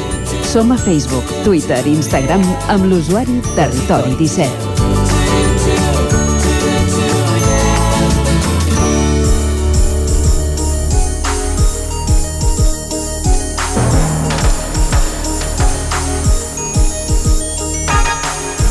Passa un minut d'un quart d'onze. A la Granja La Bassola estan de celebració. Fa 50 anys que es dediquen a la cria de vedelles autòctones al Moianès. Van començar a dedicar-se al món de la ramaderia l'any 1971 i, de fet, el lema del seu aniversari és Cuidant els orígens des de 1971, que era el campàs. Sí, eh, estan situats al terme de Castellterçol i, i una de les seves particularitats és el tipus de, de cria de vedella que realitzen. Per això els volem conèixer. Bon dia, Josep Mas. Sí, hola, bon dia. Um, parlem, abans de, de parlar, de, de tractar això de, que comentava del tipus de cria de vedella, uh, volem també saber una mica el context uh, de la granja. Ets propietari i també ramader. Els que van iniciar el projecte van ser els teus pares? Sí, bueno, pràcticament això van començar els meus pares, el 71, i bueno, llavors eh, ell, ell ja venia de pagès, el que passa que com abans abans el típic, no? l'hereu es quedava amb la finca i els, i els altres germans s'havien d'espavilar. I ell és un dels que es va haver d'espavilar i, i muntar-se per, per part seva. I el 71 va començar, diguéssim, a dedicar-se a, a criar les vedelles. I es va establir a Castellterçol per una qüestió casual o com va anar tot plegat? No, bueno, no, perquè ell, ell és fill de Castellcí, bon, Castellterçol és el poble veí, i va, va començar a comprar un trosset de finquet allà petit i va començar allà. Uh -huh.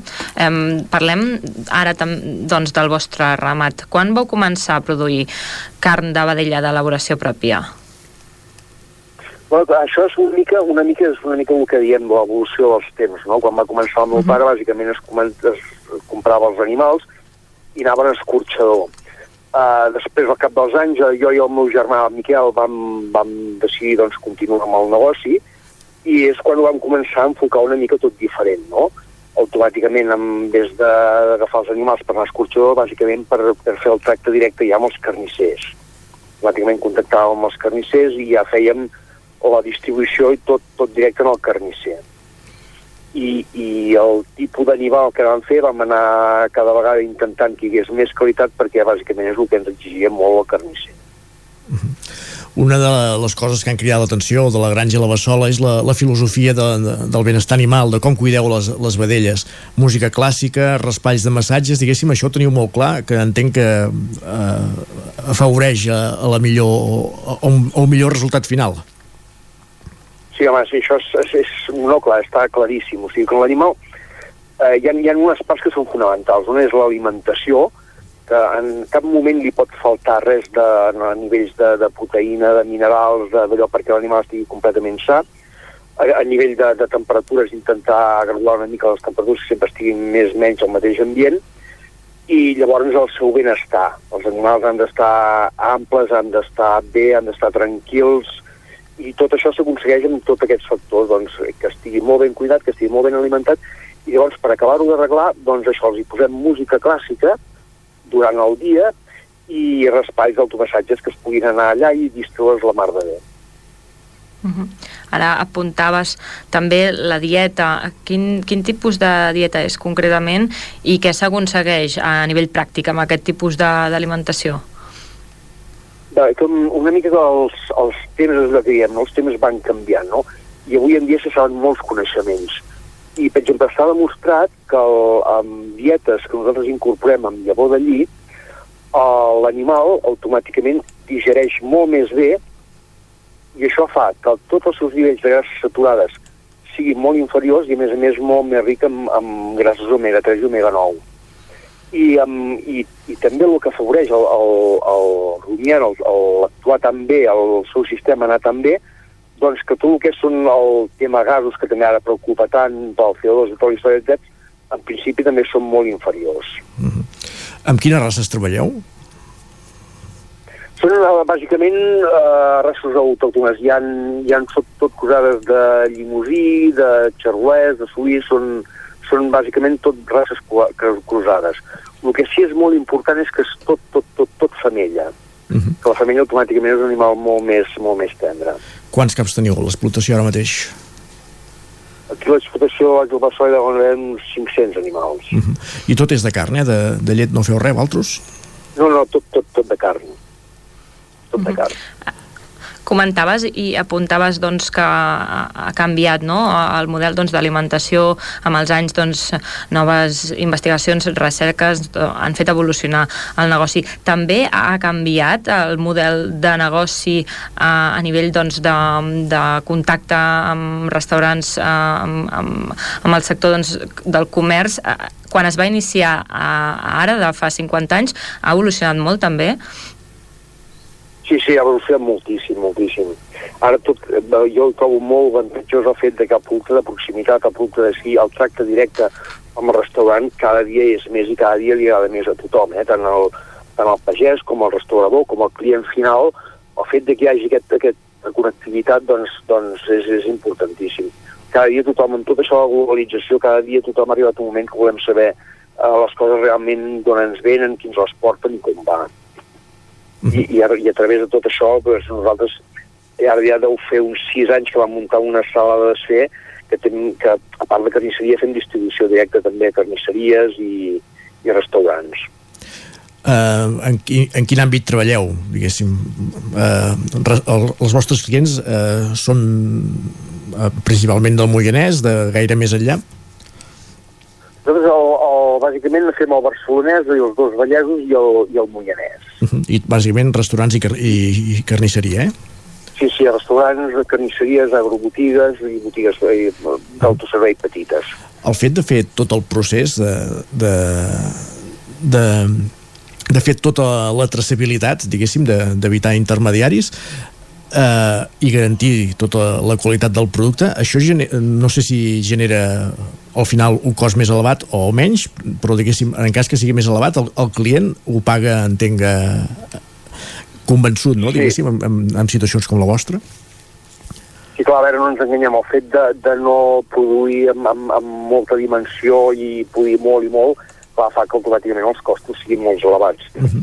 Però, però, clar, la qualitat també és una altra, i una mica és, és el que dic, jo, és l'equilibri de les coses. Clar, si, si és realment sí que té un sobrecost, però també hi ha molta més qualitat, doncs automàticament és, és efectiu. El que no pot ser és que sigui, sigui, sigui molt, molt més bo, però moltíssim més car. Llavors, clar, eh, no és el mateix. A nivells qualitat-preu es pot treballar molt bé, perquè el, el fet d'estalviar-te tots els processos d'intermediaris pel mig també ho averteixes una mica.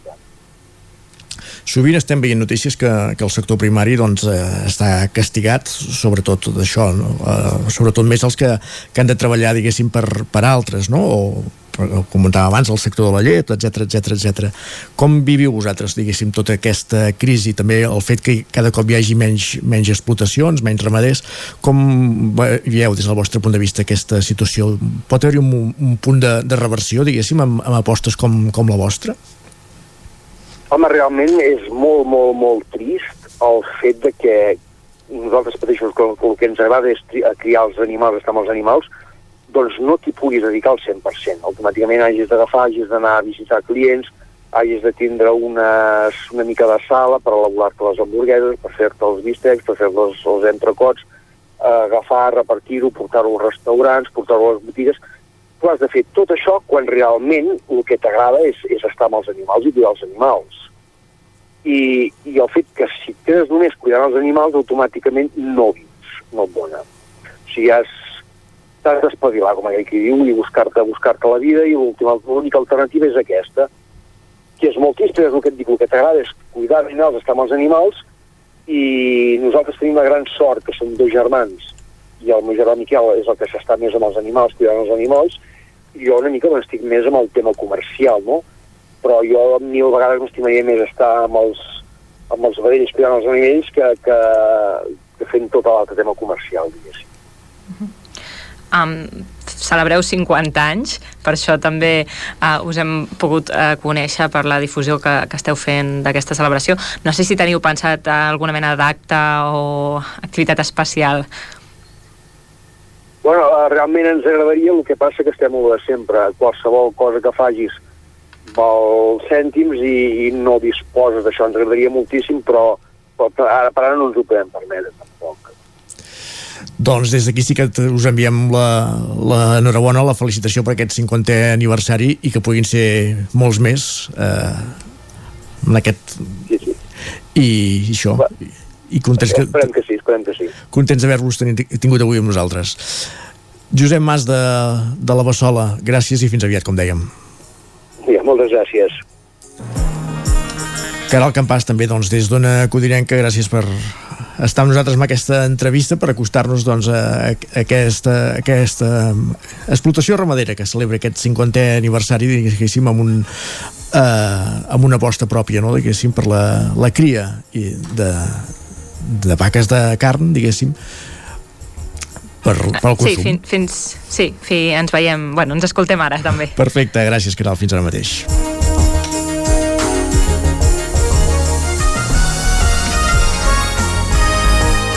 Tres minuts i seran dos quarts d'onze. Farem una pausa i tornem tot seguit al Territori 17. Fins ara mateix.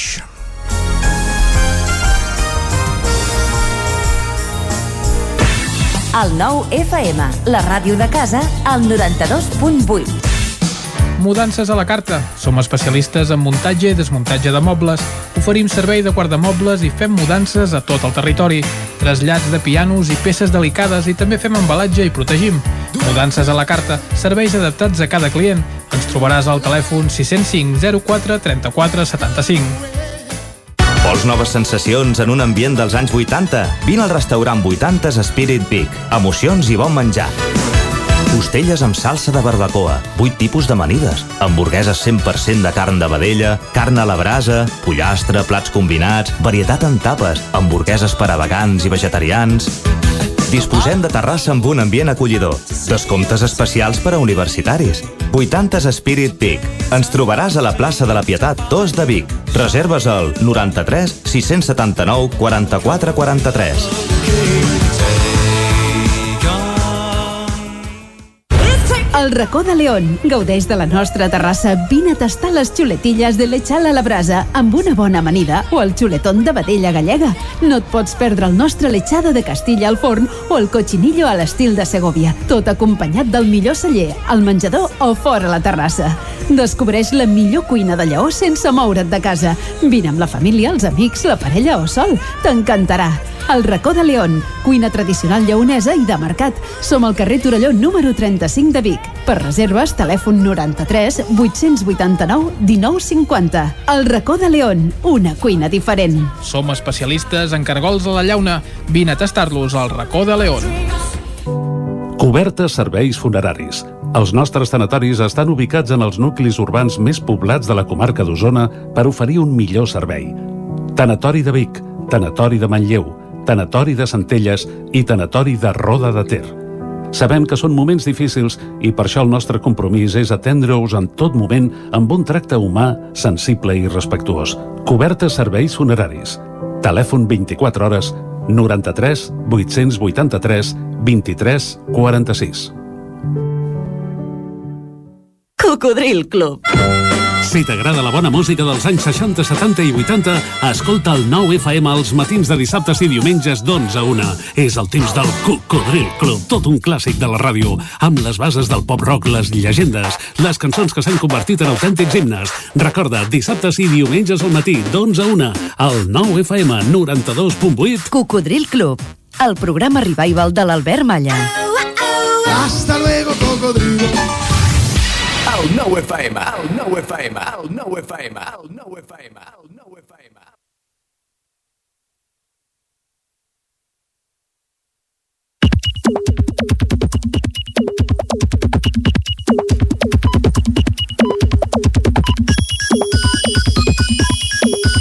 Dos quarts d'onze, moment de repassar Twitter, de repassar les pilades amb en Guillem Sánchez i ja el tenim a l'estudi, no Jordi? I tant. Uh, Guillem, molt bon dia.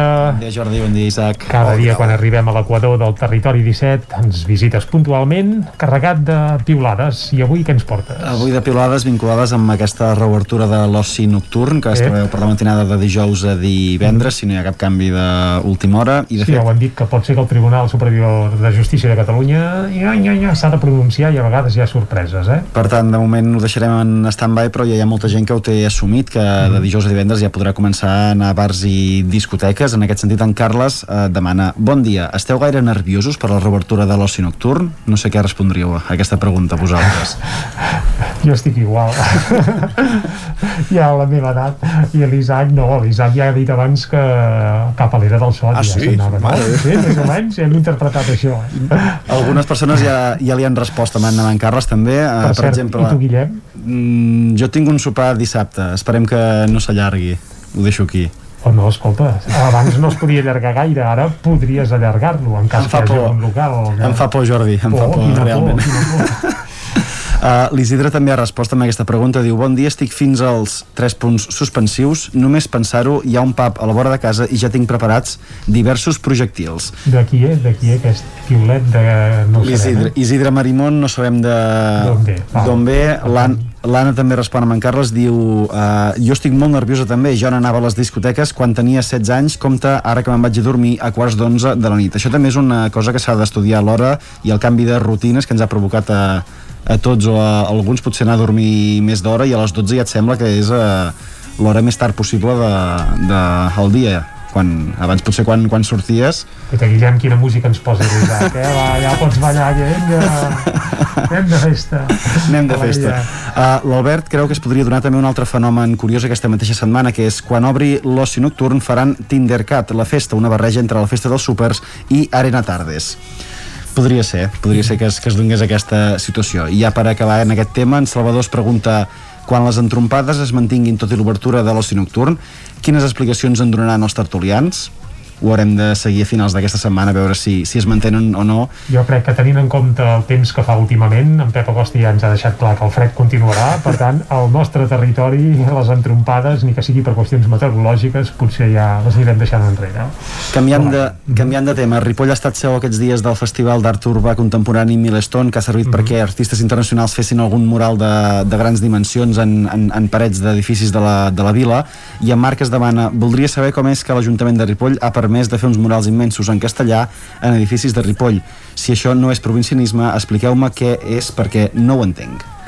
Ostres, no els he vist els que hi ha en castellà. Tinc a punt aquí a les portades del 99.cat i la d'Osona i el Ripollès obre precisament amb Ripoll es posa guapa, guapa ho posen entre cometes, però a la foto el mural que apareix no té lletres. Doncs crec que un dels dos sí que hi ha un missatge en castellà i per això Marc demana a veure si hi ha algun motiu o no perquè s'hagin permès o no es, es, escriure's en, en castellà i no en català entenc que és el que Home, potser demanava ell. el- el bressol de Catalunya- Mira que n'hem vist de murals d'aquests a llocs de... Aquí a Vic n'hi havia, a, tant. a Panelles, a, a, a, a tocar Allà de Lleida. n'està ple, n'està n'està ple. I no hi ha mai missatges, i, i a Ripoll els escriuen en castellà. Uh, L'usuari Petites Coses també té un altre dubte que espera que algú li pugui resoldre, com feia ara en Marc, diu amb tot el respecte cap als folgarolencs, voleu dir que feia falta un tercer pavelló cobert havent-hi el de Sant Julià i Call d'Atenes? Fa aquesta pregunta també a l'usuari, petites coses, no sé si... Ara ja està fet. Home, el Ara de, ja el de Call de Denes encara el tenen mig empantanegat, no l'han pas inaugurat Per encara. això que, per tant, de moment d'activitat ja vam poder veure la inauguració que s'hi podia... Eh, en què hi havia activitat, per tant, suposo que és una bona notícia per tots i totes que es puguin inaugurar també pavellons per tal que joves i tothom qui l'hagi de fer servir, doncs, en puguin gaudir. I encetem ara la secció Històries de periodisme. L'Àlex en regala una trucada molt especial. Diu, han trucat dues noies de cinquè de primària al diari per fer unes preguntes. Una era, això que diu política, economia, es diu en capítols, oi? He mort de tendresa i que espavilades que eren, esclar. Bé, gent, gent, gent que vol saber més sobre la nostra professió també, que ja és ben, benvingut. Uh, I un dia en què el preu de la llum torna a batre rècords a l'alça, com ja hem anat Això ja no explicant és també. cap novetat. En Joan diu, la factura de la llum no que caurà, oi? Referint-se a la caiguda de les xarxes socials del cap de setmana, diu, segurament aquesta, aquesta vessant no, no caurà pas. I la Núria es pregunta, la gent sabrà que posar els intermitents no entra en la factura de la, de la llum? I per rematar la qüestió, que no falti l'humor semàntic, l'usuari Phil Bastard diu la factura puja a la velocitat de la llum. Un titular que suposo que ja s'hauria d'haver fet fa, fa temps, però que recuperem ara per, per al dia com avui, que em sembla que estava a més de 200, 220, 230... Em perdo, em perdo. Ens perdem tots, ja. Ens molt, perdem molt tots, en ja. Guillem, moltes gràcies per oferir-nos aquests capítols, aquestes pinzellades periodístiques. I parlant de capítols, fem un cop d'ull a les portades del 99.cat. Eh, com bé hem dit, lo d'Osona i el Ripollès s'obre precisament amb aquests murals que hi ha a Ripoll. Ripoll es posa guapa. A la fotografia hi ha un mural on no hi ha lletres, n'han fet més d'un, eh, Ripoll. Haurem d'investigar quin és aquest que porta grafies en espanyol al bressol de Catalunya. De moment el que surt és un que està molt bé, amb un tot de caps, amb un fons vermell, fa, fa, fa goig, fa goig. També explica la portada del 9-9 d'Osona i el Ripollès que el Festival Protesta torna aquest 2021 amb 11 pel·lícules, tres de les quals són estrena a l'Estat, i que la propietat de les serrasses de Torelló fa millores a l'hotel amb la voluntat de vendre'l. Anem cap al Vallès Oriental, ara mateix al 99.cat del Vallès, la Diputació prova una línia de bus entre l'estació de Palau Tordera i el Montseny. Ja hem explicat que també ho ha aprovat en aquest cas des de la banda usonenca del Montseny. La Fundació Vallès Oriental gestionarà el bar del Club Natació Granollers i que la infermeria de l'Escola Sant Gervasi és la primera infermeria escolar que rep l'acreditació del Departament de Salut. Per últim, repunten els casos de la Covid-19 al Vallès Oriental. Per tant, alerta que això no s'ha acabat. No, ni molt menys. Uh, gràcies, Jordi, gràcies, Guillem. Anem a la taula de redacció. Anem.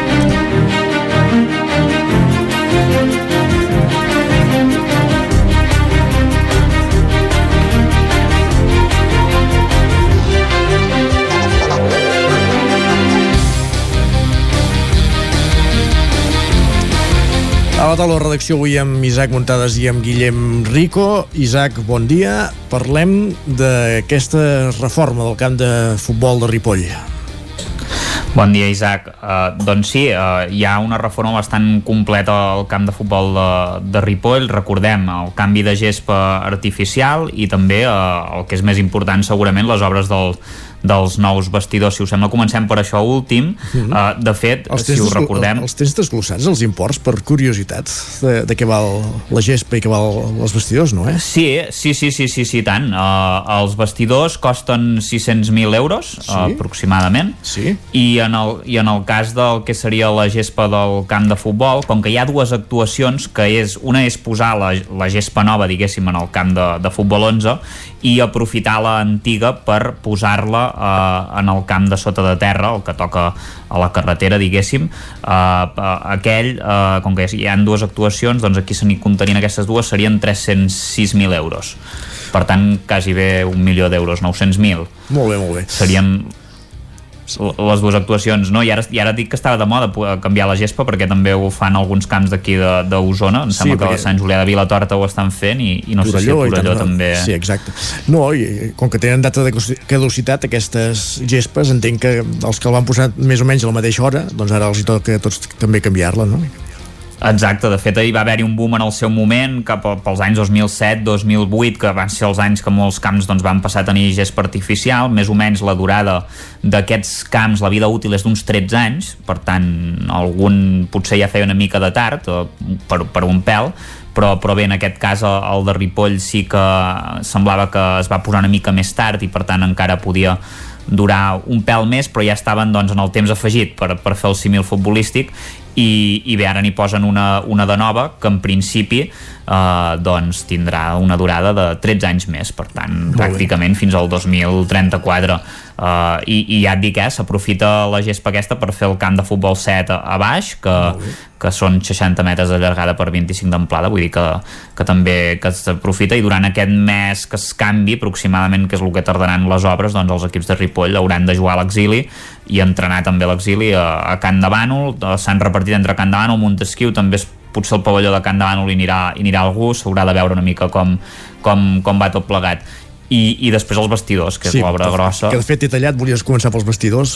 Sí, sí, no, no, però ja està, ja, ja està, eh, perquè a la gespa també hi ha molts eh, clubs d'Osona que també ho feien i era interessant parlar-ne. Els vestidors, eh, 60 a 600.000 euros eh, d'aquesta inversió aniran entre el pavelló i, i el que seria el camp de futbol, dins del marc d'aquest macroprojecte que ja es va presentar fa un parell d'anys, eh, el 2019, de, de 10 anys vista, de fet, tota una zona esportiva que hi havia d'haver eh, piscina, eh, bueno, hi havia d'haver un munt de coses que també estan anant a poc a poc, però s'estan complint, més o menys, i bàsicament eh, uns 60 metres de llargada aquest eh, vestidor, hi haurà una sala polivalent destinada al tennis taula que això és el més interessant, per això, per això és tan gran el, diguéssim eh, el que serien els vestidors 150 metres quadrats per, per la gent del tennis taula amb quatre taules perquè fins ara entrenaven a sota de la Lira a la sala Maria Font, que és una sala que hi ha allà sota però no estava adequada. I a partir d'ara jugaran i entrenaran aquí i bé, eh, quatre vestidors de, per canviar-se, dos pels àrbits també, també hi haurà una, una sala de calderes i a més a més doncs, per guardar material, per tant uns vestidors de luxe, que els que hi ha ara doncs, tenen molts problemes i fins i tot problemes de, per, per dutxar-se perquè l'aigua sortia freda, que això durant molt de temps ha estat un problema recurrent i ara per fi això no passarà, es podran dutxar amb aigua calenta. Veus que bé. Doncs molt bé, gràcies Isaac per acostar-nos a aquestes reformes al camp de futbol de Ripoll i parlem una Nosaltres. qualsevol altra ocasió. Gràcies, fins ara. I ara continuem amb Guillem Rico, bon dia. Bon dia. Uh, parlem de gossos. Parlem de gossos, perquè el Parc de Bombers de Vic ha estrenat, entre cometes, ara ens ho acabaràs d'explicar, una unitat, unitat canina.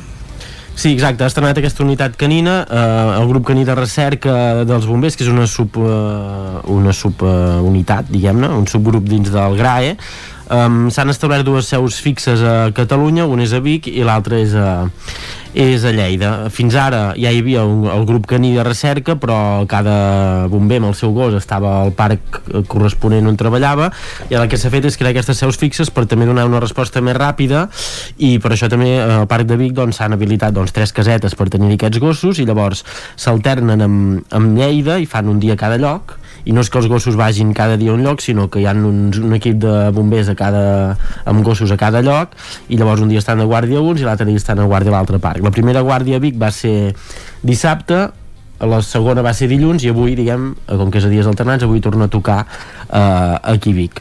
I parlàvem el dissabte amb els dos eh, guies que en diuen, dos bombers, que ells ja tenien els gossos entrenats i que ja formaven part d'aquesta unitat, i que ara estan aquí, un estava al Parc de Mollà l'altre estava al Parc de Roses, ara estan al Parc de Vic, i això, hi han dos gossos, en Xot i, i la Frausa i un labrador i un border collie. I llavors també hi havia la Lia, que és un cadell que n'està aprenent, no? Uh, per això, ells van, van fent aquests entrenaments.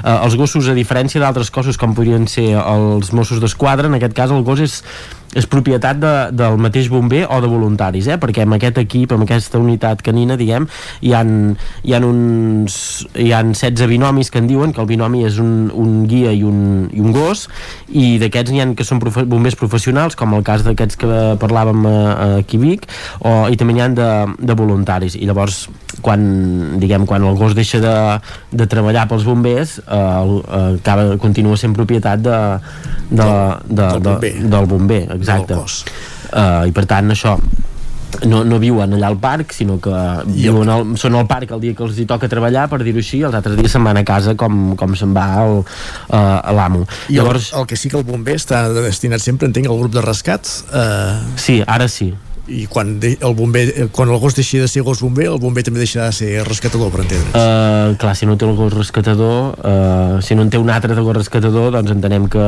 que potser el canviaran d'unitat. Uh, però això sí, això permet, el fet de ja tenir les unitats a punt, permet no haver d'avisar cada vegada a, a cada a cada lloc on són. I llavors sí que per exemple amb els trasllats doncs pot ser que clar, fan la guàrdia des de Vic però pot passar una cosa a l'altra punta.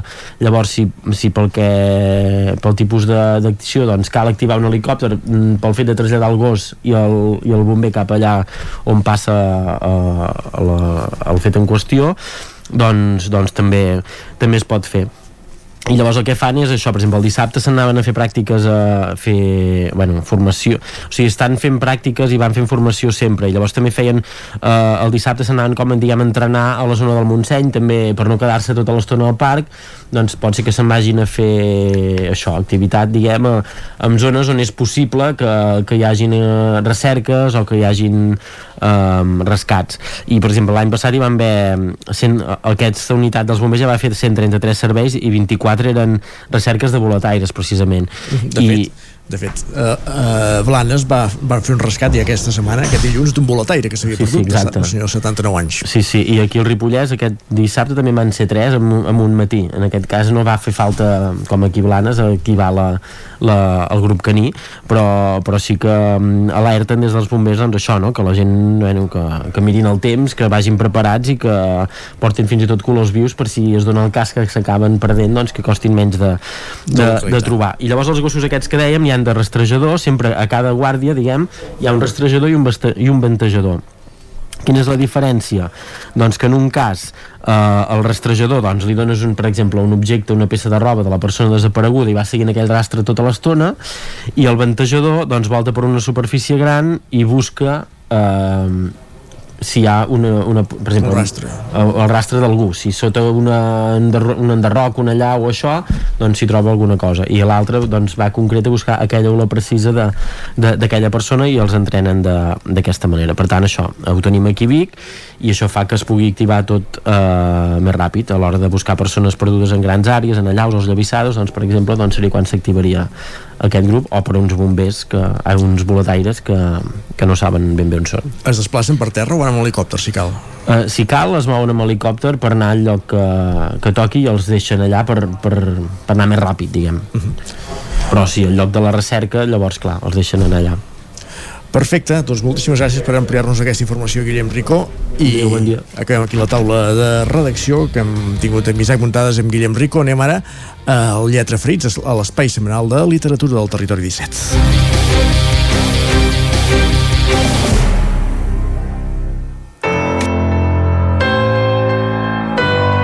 Territori, Territori 17. 17. Territori 17.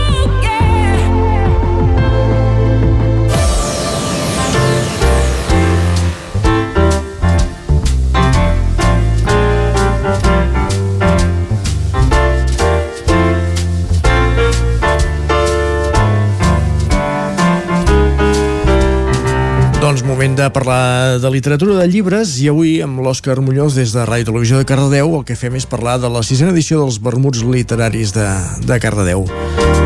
Òscar, bon dia. Bon dia i benvinguts a un lletra ferit més. Avui des de Cardedeu em parlarem dels Vermuts Literaris, el projecte de la periodista Clara Martínez Clavell eh, amb la col·laboració de sempre estan lligats uns amb els altres amb el Tarambana i amb la llibreria El Compàs d'aquí de Cardedeu. Bon dia, Clara. Bon dia. Dissabte 25 vam començar els verbuts literaris amb aquesta sisena edició. Eh, què hi podem trobar de nou en aquests vermuts d'aquesta edició? Doncs sí, com bé dius, vam començar a finals de setembre, el 25, que va ser justament el, el 50è vermut que fèiem, que ens feia molta, molta il·lusió arribar fins a 50 vermuts. I mm, la novetat d'aquell dia va ser bàsicament que vam fer un punt de llibre per tots els assistents i que també anirem donant a les properes, als propers vermuts. I vam presentar una, una bossa que hem fet conjuntament amb el Compàs i, la, i el Tarambana, que és una, una bossa de roba, un tote bag, que, que es pot trobar al Trambana i al, i al Compàs. I amb la frase i si llegim, doncs el que volem és donar a conèixer aquest projecte i fer marca també de, de, de Cardedeu. Doncs... Uh, també vam presentar unes, bueno, unes tasses que farem servir a, a, a l'hora de fer l'entrevista, tant pels convidats com per mi, però també per fer com una mica això de merchandising que no n'havíem fet fins ara i aprofitàvem aquesta sisena edició i aquests 50 vermuts que ja portem doncs, per fer una mica més de, de soroll no? i de fer una mica de marca. Sí, sí. Doncs sí, com hem comentat, els vermuts varen començar dissabte, dia 25 de setembre, amb el llibre El setembre i la nit de l'escriptora Maica Rafeques. Què ens pots dir d'aquesta autora novel·la? Doncs la Maica Rafeques eh, és una noia que venia de la poesia i s'estrenava amb aquesta novel·la, que és la seva primera novel·la, El setembre i la nit, i, i bé, uh, al final la tria dels llibres uh, sí que cada cop és més conjuntament amb l'Àngels de, del compàs, però bàsicament són llibres que, que em criden l'atenció, no? que com a lectora ja els llegiria. I en aquest cas va ser per la temàtica de, de, del llibre, que era sobre una expropiació de vinyes del Penedès, en què una família doncs, rebia doncs, l'amenaça, per dir-ho així, de, que els expropiaven les vinyes per construir un polígon i eh, la novel·la tracta sobre la, la, la tercera generació d'aquesta família, que és una noia jove, que s'instal·la a la vinya per evitar aquesta expropiació, de la, per evitar aquesta arribada de, la, de les màquines i per fer una mica aquesta lluita personal per, per impedir-ho. I una mica doncs, la, la novel·la gira al voltant d'això. Um, la Maica també és de, és de la mateixa zona on passa la novel·la, o sigui, diguem que tots els llocs eh, geogràfics són reals, però els personatges sí que són, són inventats. Una mica així com a resum seria, seria aquesta la, la novel·la que vam presentar. Eh, vaig mirar, perquè ja que feu els vermuts també es, es, es graven a Radio Televisió de Cardedeu, i vaig veure que havíeu començat amb aquest llibre també, eh, havíeu començat una miqueta abans, no? ja que es deia el setembre i la nit, doncs començar amb aquesta sí. anècdota, no? De... Ben vist. Sí, justament sempre començàvem a l'octubre, fèiem d'octubre a juny, i ens semblava bueno, graciós no? començar al setembre amb un llibre que es diu El setembre i la nit i fer una mica doncs, també uh, aquest, aquesta picada d'ullet uh, justament per això, perquè la novel·la tracta sobre el tema de, de vinyes, que el setembre és un, és un mes de barema, un mes de vi, i ens semblava interessant, doncs, mira, canviar eh, i començar una mica abans. Sí, sí. I com va anar de, de, de gent? Va haver-hi públic en aquest primer vermut? Sí, va haver una trentena de persones. Uh, la veritat és que estem, estem molt contents perquè diguem que ja tenim un públic molt fidel, independentment de qui portem. Sí que es nota que quan és algú més mediàtic doncs hi ha més públic, però, però estem contents perquè una presentació d'un llibre uh, amb 30 persones mínim és, podríem dir que és bastant, bastant exitós, tenint en compte doncs, que, que a vegades ens costa no, moure'ns per anar a veure una presentació d'un llibre i ens, i ens costa a vegades moure'ns per uh, consumir cultura, doncs encara més potser amb la literatura. Llavors, uh, encara que haguéssim sigut 10 persones o 15, hagués sigut uh, igual de, de, de bo perquè al final pensem que totes aquelles persones que, que decideixen dissabte al matí moure's i venir a una presentació del llibre ja té tot el mèrit i, per tant, molt bé, molt bé la resposta de, del públic. El pròxim vermut que podem assistir serà eh, dissabte 16 d'octubre, que ens porten el llibre Marieta de l'Ull Viu. Sí. Què ens pots explicar d'aquestes dues comunicadores? No? Perquè la, eh, la Maria Petit eh, té, no té visió, Mm -hmm. Què més podem... Exacte. Sí, són dues comunicadores. Uh, la Maria Xinxó potser és més coneguda que la Maria Petit, que és la protagonista de, de, del llibre, Marieta de l'Ull Viu. Um, el llibre és, uh, és un llibre molt, molt, diguem, molt especial perquè explica la, com li va canviar la vida a la Maria Petit arran d'un accident que va tenir als 17 anys i que va perdre la vista, va tenir un accident de moto, i en aquest llibre explica doncs, totes les peculiaritats i coses que s'ha anat trobant per adaptar-se a aquesta nova vida sense visió. No? Però ho fa amb molt, positiu, amb molt positivisme, amb, molt, amb molta energia i amb molt sentit de l'humor, que la veritat és que és un llibre molt, molt positiu, tot i tenir moments bastant durs, no? que explica doncs, una mica la seva impotència a l'hora de, doncs, pujar una muntanya, doncs que de pujar muntanyes, doncs que necessita sempre doncs, un guia, no? I doncs tot, totes aquestes situacions que potser per nosaltres a vegades uh, són insignificants, doncs per ella doncs, són tot un repte i ens ho explica ens ho explica d'una manera molt, molt positiva que trobo que és el, el punt xulo d'aquest llibre. Ja, ja podem veure el títol, no?, al- aquest, doble, aquest joc. Sí. Sí. Sí, sí. La veritat és que és, és un llibre molt bonic um, per, també per adonar-nos de, de, de la sort que tenim, no?, a vegades, i que no som conscients de veure, del, del simple fet de poder veure. Sí, de, fins que no perds alguna cosa potser no t'hi fixes. Ostres, eh, enyorança. Sí. Molt bé. Em, la Montse Bardell serà la, la següent autora que vindrà als Vermuts. Això serà el novembre, dissabte, dia 6, amb el Sí. llibre La vida autèntica. Sí. Uh, la Montse va ser... És una, bueno, a mi em fa molta il·lusió portar la Montse perquè va ser el primer vermut que vam fer uh, confinats, uh, gràcies a Televisió Cardedeu, que el vam poder fer, a l'abril del 2020, i, i clar, serà el primer vermut amb ella, diguem, presencial?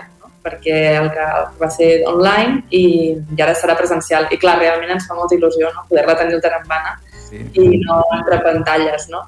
Uh, llavors ara, en aquell moment vam presentar la Memòria de l'aigua, ara presentem La vida autèntica, que, que és una novel·la que, que se centra en, el, en un home que es diu Oliver Bou, que, que el que fa és um, rep un encàrrec d'un d'un amic que li demana fer cartes d'amor a una noia que, agrada, no? I una mica, doncs, um, és del joc que s'estableix entre aquests tres personatges, no? Ell que escriu les cartes, la noia que rep les cartes i el que, el qui li demana que, que les escrigui.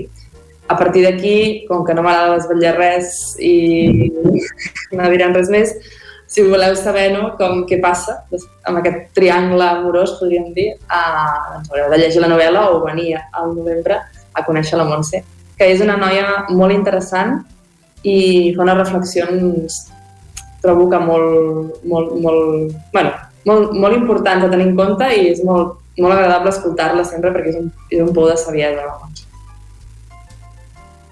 Em, novembre, ja per acabar, novembre, dissabte, dia 20, em, Mhm. vindrà el Toni Sala amb el llibre Una família. Sí, el Toni Sala és el primer cop que el tindrem. Um, ara publica un llibre una mica més autobiogràfic parlant de la seva família i, i ens situa a, entre Sant Feliu de Guíxols i Platja d'Aro i ens parla doncs, de, de la seva etapa diguem, final d'adolescència en què la seva família resultava, era propietària d'un hotel i d'un hípica i ens explica doncs, una mica doncs, aquesta etapa de la seva vida sobretot centrada en la seva adolescència i una mica fins ara. Diguem, el llibre podríem dir més autobiogràfic Biogràfic. de, sí, d'ell. Sí, sí. I abans hem comentat de, de, dels autors que venen, més mediàtics o no, sí que la cinquena edició eh, va, va haver-hi més no, Jordi Évole, eh, més com personatges més mediàtics, i en aquesta eh, bueno, ara comentarem el Jair, que potser sí que eh, la gent que no estigui Mm. molt ficat dins del sector, eh, doncs sí que el soni de, de veure a la televisió o on sigui, i això, hem- s'ha buscat un altre, un altre punt de vista en els vermuts i la cinquena edició va ser al fin, o a l'últim trimestre, per dir-ho així. Eh, va ser com Sí. més autors més mediàtics o va caure així? Mm, no, no especialment, o sigui, va coincidir que, per exemple, el Xavier Bosch personalment m'agrada molt i cada dos anys, eh, llavors ja la tercera vegada que venia, va coincidir que hi havia el Xavier Bosch a l'abril, llavors eh, va venir l'Albert Tom i al juny en vam fer dos i vam tancar amb, amb el Jordi Évole, però va ser, no, no, és, no va ser tan estudiat, sinó que va venir una mica sol. Intentem sempre que hi hagi una mica de tot, és a dir, que hi hagi gent novella, com va ser la Maica Rafeques en quant a novel·la, que era la primera novel·la. Intentem que hi hagi gent més mediàtica per també traure un tipus de públic que no et vindrà amb un autor menys conegut i també perquè d'aquesta manera coneix el, el projecte dels vermuts literaris i també que hi hagi sempre algú local, algú de Cardedeu o, o Rodalies. Són les tres bases que, que intentem conservar i, però no, no fem una, diguem, una teoria de dir cada vermut n'hi ha d'haver dos d'aquests. No, ens anem trobant una mica en funció del que s'ha publicat, del que ens agrada, i sí que és veritat que almenys al Nadal i juny, que és com època de Nadal, tanquem l'any i llavors al juny, no? com a tancar l'edició, sí que intentem eh, portar algú més conegut. En aquest cas, al, al desembre, doncs, portem el, el Jair Domínguez, que el coneixem per l'Està passant a TV3 i bueno, per la seva faceta televisiva, i, i sí que ja estem treballant de cara al juny a veure qui podem portar també una mica doncs, no vull dir potent, perquè per mi doncs els altres també ho són, no pot ser més conegut a nivell de, del gran públic, no? Sí, que el coneix més gent, però potser bueno, depèn del de, llibre. Molt bé. Eh, el Jair vindrà eh, bueno, amb el llibre que he tret fa, fa poquet, Estructures profundes. Sí. Mm. Estructures profundes és una novel·la peculiar. és una novel·la que, que ens submergeix en un món apocalíptic, en una que ens situa en una ciutat que està totalment arrasada pel canvi climàtic, per les, les desigualtats socials, i pot semblar així com una mica turbulenta, però diguem que podria ser una mica l'etapa de, prèvia del confinament en què semblava que, tot, que el món s'acabava no? i que no, sabia què pas, no sabíem massa què passaria, doncs una mica eh, podríem dir que, que, que ve d'allà la novel·la, o almenys ell va començar a, a inspirar-se quan veia les imatges de, de tota la gent uh, vestida de blanc i fumigant als carrers de, de Wuhan, no? que va dir què coi està passant aquí, no? i una mica suposo que arrel d'aquí doncs, va crear-se ell també el seu submón que una mica en retrata en aquesta novel·la. Val, doncs fins aquí el, el Lletra Ferits d'aquesta setmana. Moltes gràcies, Clara, per dedicar-nos aquesta estoneta. Sabem que tens la setmana molt eh, atabalada de feina, així que moltes gràcies. Gràcies a vosaltres. I nosaltres tornem la setmana que ve amb una altra lletra ferits. Doncs molt bé, Òscar, gràcies uh, per acostar-nos a aquests vermuts literaris i ara el que fem, quan passen ja gairebé un minut de les 11, és actualitzar-nos amb les notícies del Territori 17. Com dèiem, ara mateix passa un minut de les 11 del matí. Territori 17, amb Isaac Moreno i Jordi Sunyer.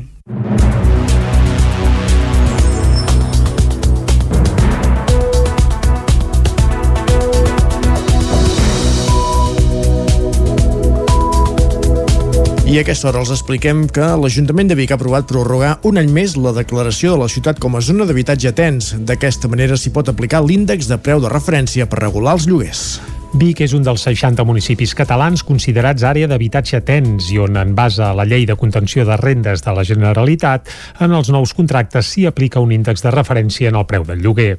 La llei s'està aplicant a l'espera que el Tribunal Constitucional es pronunciï sobre els recursos d'inconstitucionalitat que s'hi han presentat. Junts per Catalunya, Esquerra i Capgirem van votar-hi a favor al ple de l'Ajuntament de Vic d'aquest dilluns, de prorrogar un any aquesta declaració de Vic com a àrea d'habitatge tens. Els dos grups de l'oposició, però, demanaven que l'ampliació es fes pel termini màxim previst, que és de 5 anys i no d'any en any, com defensa el govern municipal de Junts.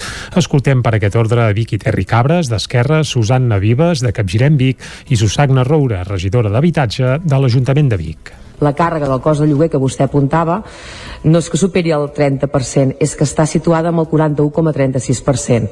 Per tant, entenem que tenim un problema important a Vic en matèria d'habitatge. Entenem de que seria molt important que aquesta pròrroga no es fes per un any a veure com evoluciona la llei. Tot plegat fa pensar que vostès no es creuen aquestes polítiques d'habitatge.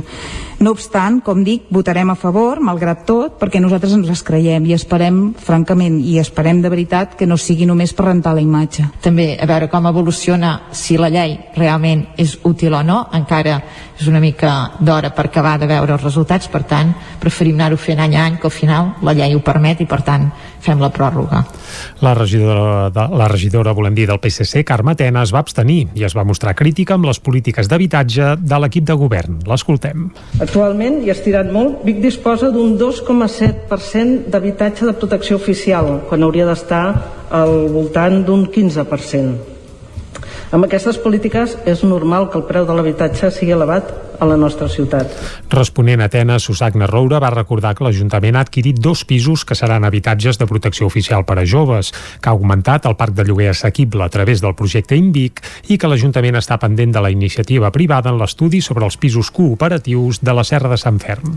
Un control policial a l'entrada nord de Ripoll provoca mitja hora de cues i l'Ajuntament demana una reunió amb trànsit perquè no es repeteixi. Isaac Muntades, des de la veu de Sant Joan.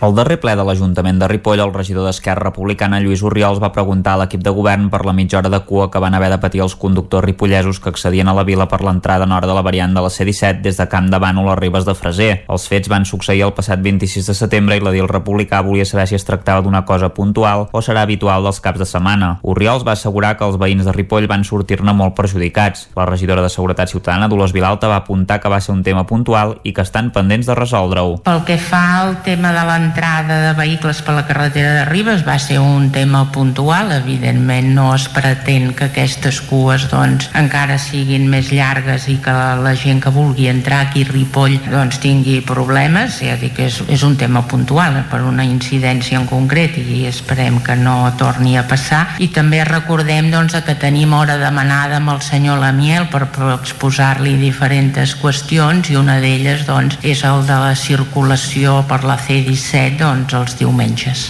El fet puntual a què es referia Vilalta era un control policial que impedia als vehicles accedir a la vila per l'entrada nord i ho havien de fer per la sud. Aquest fet va coincidir amb el cap de setmana de les festes de la Mercè de Barcelona quan el volum de vehicles que el diumenge tornaven cap a l'àrea metropolitana era molt elevat. Des de trànsit van decidir que no es deixés passar pel centre de la vila i això va desembocar en les llargues cues a la variant que enllaça la C-17 amb la Nacional 260, en les quals també s'hi veien implicats habitants de Ripoll i de municipis fronterers que també havien de fer aquest recorregut. L'Ajuntament espera trobar-hi una solució definitiva a aquesta realitat que es percep quan hi ha molta gent de segona residència que torna cap a la ciutat i per això va tornar a demanar una reunió amb el director del Servei Català de Trànsit i Can de Manolenc, Ramon Lamiel, per parlar d'això i d'altres qüestions. Sant Feliu de Codines aprova definitivament el projecte per reformar una casa heredada des del consistori fa anys i convertir-la en habitatge d'emergència social. Caral Campàs, des d'Ona Codinenca. Sant Feliu de Codines tindrà un habitatge d'emergència amb capacitat per fins a 8 persones. L'últim ple municipal de la població va aprovar per unanimitat el projecte tècnic que ha de permetre transformar una casa que l'Ajuntament va rebre en herència en un habitatge amb habitacions per famílies, parelles o individuals. Amb espais comuns també com una cuina o un menjador, el projecte té un cost de 125.000 euros. Esther Paracolls és regidora de Serveis Socials.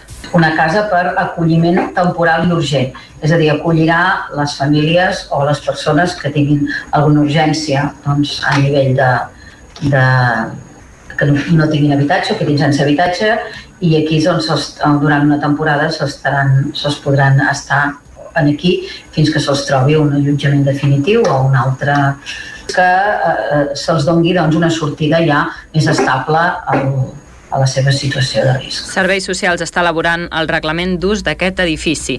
Entre d'altres, es, es limitarà perdó l'ús en el temps, ja que l'objectiu és que sigui un allotjament temporal urgent per famílies que es quedin sense habitatge o per situacions de violència masclista. Granollers vol que la taxa d'escombraries vagi en funció dels residus que generin. El ple aprova inicialment la licitació del contracte de recollida de residus i neteja viària. Núria Lázaro, des de Ràdio Televisió de Cardedeu. El ple de l'Ajuntament de Granollers ha aprovat inicialment el ple d'aquest dimarts amb els vots de PSC, Junts per Granollers i Ciutadans, l'abstenció d'Esquerra Republicana i el vot en contra de primàries, la licitació del contracte de recollida de residus i neteja viària, un procés que obre el procediment per escollir l'empresa que assumirà a partir de l'any 2022 un contracte de gairebé 52 milions d'euros per als pròxims 10 anys sense possibilitat de pròrroga. El contracte amb l'anterior adjudicatària va caducar a principis d'any i també ha estat prorrogat fins que acabi l'actual procés. La regidora de Serveis i Via Pública, Andrea Canelo, ha explicat que tot plegat té un doble objectiu. Per una banda, la neteja de la via pública i del mobiliari urbà i recollida dels residus, a més de la recollida domiciliària de fraccions de resta orgànica dels contenidors de la via pública i voluminosos, la gestió de les plataformes mòbils de l'illa de Vianants, de la recollida comercial de la resta i de l'orgànica i de la recollida dels mercats dels dijous de Can Bassa, de la plaça de la Corona i de Sant Carles, entre d'altres. Canelo també ha assegurat que el nou contracte servirà per millorar la qualitat del servei. Disposant de més hores per intensificar serveis ja existents, ampliar la neteja viària de diumenges i festius i a polígons i aparcaments públics, potenciar i incrementar la recollida selectiva i reduir la fracció resta. El consistori destaca que un dels principals canvis serà per fer més just el pagament de la taxa. A partir d'aquest dissabte i fins al 7 de novembre es farà una prova pilot al Parc Natural del Montseny amb tres noves línies d'autobús per accedir-hi amb transport públic. La posada en marxa del servei coincideix amb dues cites destacades a Ceba, on aquest proper cap de setmana s'hi fa la Fira del Bolet, i a Viladrau, que a finals de mes celebra la Fira de la Castanya. D'aquestes tres noves línies, dues són a la banda usonenca. La primera, de Vic a Collformic, té parades a Sant Miquel de Balanyà, Ceba i el Brull, i la segona, entre Vic i Viladrau, també pararà a Sant Miquel de Balanyà i a Ceba. Les noves línies del bus parc s'integren en el sistema tarifari de l'ATM. Les opera l'empresa Segalés i ofereixen diferents modalitats que inclouen bitllets combinats amb el tren amb estacions a Vic i a Sant Miquel de Balanyà. Mercè Rius és directora general de Transports i Mobilitat de la Generalitat. Si a més a més, com en aquest cas, podem fer bitllets combinats amb el tren, és a dir, fer una combinació ja no només des del punt on surt l'autobús, sinó de pensar en un radi molt més ampli i anar amb un bitllet integrat, doncs això evidentment eh, dona molta més facilitat fomentant que hi hagi turisme, que hi hagi més activitat en el municipi i una activitat evidentment doncs sostenible. El servei que es va presentar ahir al migdia l'impulsen la Diputació de Barcelona i la Generalitat amb l'objectiu principal d'incrementar l'oferta de transport públic per reduir l'accés al Parc Natural del Montseny en vehicle particular, després de la massificació que s'hi ha viscut en diferents moments des de l'esclat de la pandèmia. Lluís Martínez és el director del Parc Natural del Montseny. L'alta freqüentació eh, en els llocs on, te, on te més gent hi ha eh, suposa doncs, una, un desbordament, diguem-ne, de la, cap- una superació de la capacitat de càrrega que podem entendre en un espai natural d'entrada per la gent a peu. El, I després el, el, la gent a peu també té una altra conseqüència eh, que, que últimament ha anat molt en augment i que volem tornar a insistir, que és l'acompanyament de, dels gossos. Si la prova funciona, els busos s'establiran de manera regular a principis de l'any que ve. Actualment ja hi ha dues línies existents que operen des de Sant Celoni. Durant el 2020, el Festival Protesta es va reconvertir en el Festival Tectònic en una edició marcada per la pandèmia i les sessions virtuals. Aquest any, però, el Protesta recuperarà la presencialitat i totes les projeccions seran obertes al públic. La inauguració es farà a l'Atlàntida el dia 15 d'octubre i la resta de sessions seran a l'Espai ETC de Vic, que reobrirà després de dos anys. Ahir al migdia es va presentar una nova edició del Protesta al Festival Internacional de Cinema de Crítica Social que es farà entre el 15 i el 23 d'octubre a Vic. La novena edició del certamen ve marcada sobretot pel retorn a la presencialitat.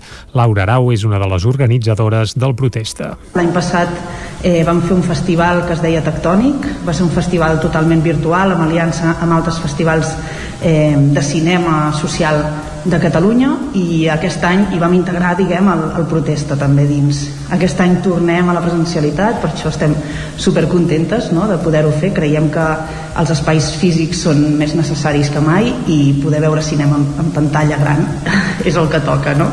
La programació del protesta la conformen 31 projeccions, els 10 curtmetratges de la selecció oficial que aniran a concurs, els 10 de la selecció no competitiva i 11 llargmetratges, 4 dels quals seran estrenes a Catalunya. La inauguració del festival, que com ja és habitual també tindrà activitats paral·leles, es farà el divendres dia 15 a l'Atlàntida de Vic i la resta d'activitats es concentraran sobretot a l'espai ETC, que reobrirà per a l'ocasió després de gairebé dos anys d'aturada. Parlant d'espais, durant la presentació també es va tenir un record pel cinema biguetà. Laura Arau. Les dues últimes edicions hem estat fent les rodes de premsa i també hem tingut la seu del festival al cinema biguetà i aquesta edició no l'hem pogut tenir.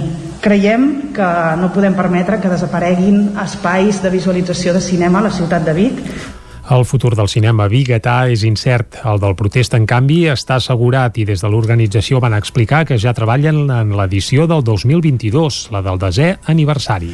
Passen 12 minuts i mig de les 11, acabem aquí aquest repàs informatiu, una petita pausa i de seguida tornem amb el territori sostenible amb Jordi Givert, avui descobrint la mel d'olor. Tot seguit al Territori 17.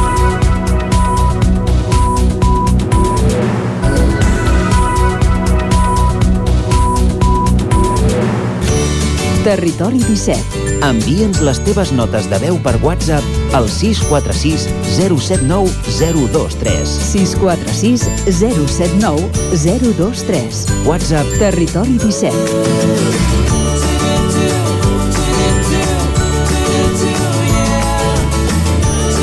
Territori 17. Som a Facebook, Twitter i Instagram amb l'usuari Territori 17.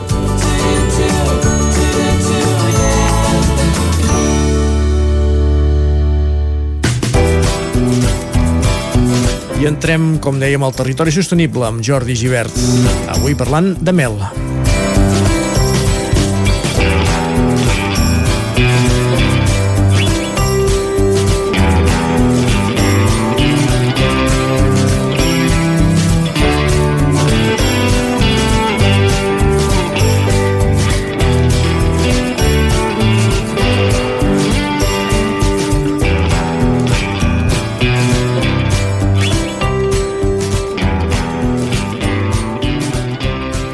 Avui al Territori Sostenible volem parlar del món de les abelles i ho farem amb un jove que ha començat eh, recentment amb la cria d'aquests insectes tan important eh, per l'ecosistema eh, amb l'objectiu de, de produir mel.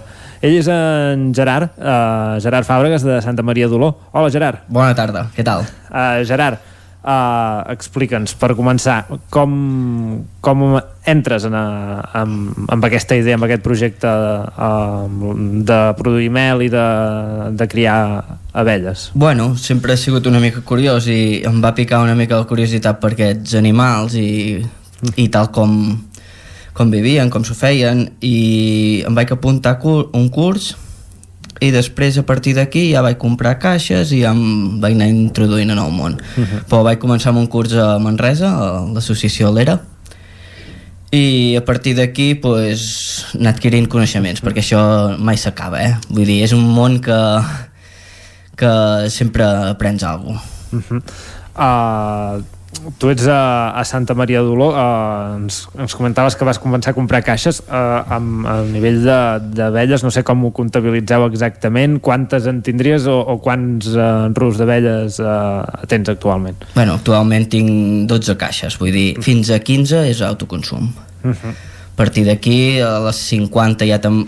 No, 150 te'n vas a, a, o sigui, no seria semiprofessional seria uh -huh imagina't, eh, 150 caixes, caixes és sí. semi, eh? vull dir, no arribes ni a d'allò vull dir que per viure d'això uh, mínim 300 mínim 300 per sempre et diuen, eh? però clar tu tampoc fas això per, per de moment guanyar-te la vida, bueno, almenys jo no en el meu cas uh -huh. perquè ja et venia d'alguna afició de, de casa amb altres animals o no, o no, no això va ser de curiositat ni de petit n'havia sentit a parlar no sabia ni com es feien si, bueno, sí que sé que el meu avi em sembla que tenia alguna caixota però però no, no, va picar a mi i a partir d'aquí endavant Clar, 15 caixes ens deies que és de moment per, per consum propi uh, quin, quants quilos treus a, a l'any? No sé si uh, suposo que deu anar en floració recordo sí, també d'altres uh, que, productors que he entrevistat El que m'ha passat a mi aquest any, per exemple que bueno, tot, tothom et dirà que cada any en recull menys eh, i això però aquest any el que m'ha passat és que jo les tinc a 800 metres que és a, allà on hi ha el celler de Sant Miquel d'Oló uh -huh. i jo sempre feia una mel de bosc que és d'alzina que és una malassa i què passa? Aquest any ha sigut molt sec l'alzina la, no, no ha produït aquesta resina uh -huh. i m'he quedat bastant sense Uh, després t'explicaran algú d'aquí al poble que n'ha tret molta però clar, aquí baix estem a 500 uh -huh. uh, tenim una floració de romaní i farigola aquest any bastant bona i han pogut recollir bastant jo m'he quedat una mica al marge bueno, uh, què pots arribar és que clar, poder dues caixes et funcionen i, i poder les cinc no saps? Uh -huh. Aquest món és una mica... no els hi pots treure tot, perquè jo vaig amb una caixa que és la d'Adan, que és anar ficant calaixos a sobre. Uh -huh. Sí que hi ha les, les Lions, que s'utilitzaven bastant aquí els nostres avis i tot això utilitzaven Lions uh -huh. i aquests sí que anaven al camp anaven amb l'extractor i agafaven el que podien Jo avui en dia vaig amb una caixa que deixo la caixa allà, un cos de cria, i jo li vaig afegint alces. A la que vull mel, trec aquestes alces. Val. Saps? Sí, però, o sigui, d'aquesta manera mantens el, el, que les abelles tinguin la casa, diguéssim, el rusc que, allà que no hi hagi destrucció a l'hora de treure sí. la mel, no? Sí, no, no hi ha tanta destrucció. No ha tant. de l'altra manera era, uau, era, bueno, és que moldre allà la mel, bueno, amb, el, Sí. amb el centrifugador i tot això. Com, ens pots explicar una mica com és aquest procés de, de, de treure la mel amb, amb un sistema i l'altre?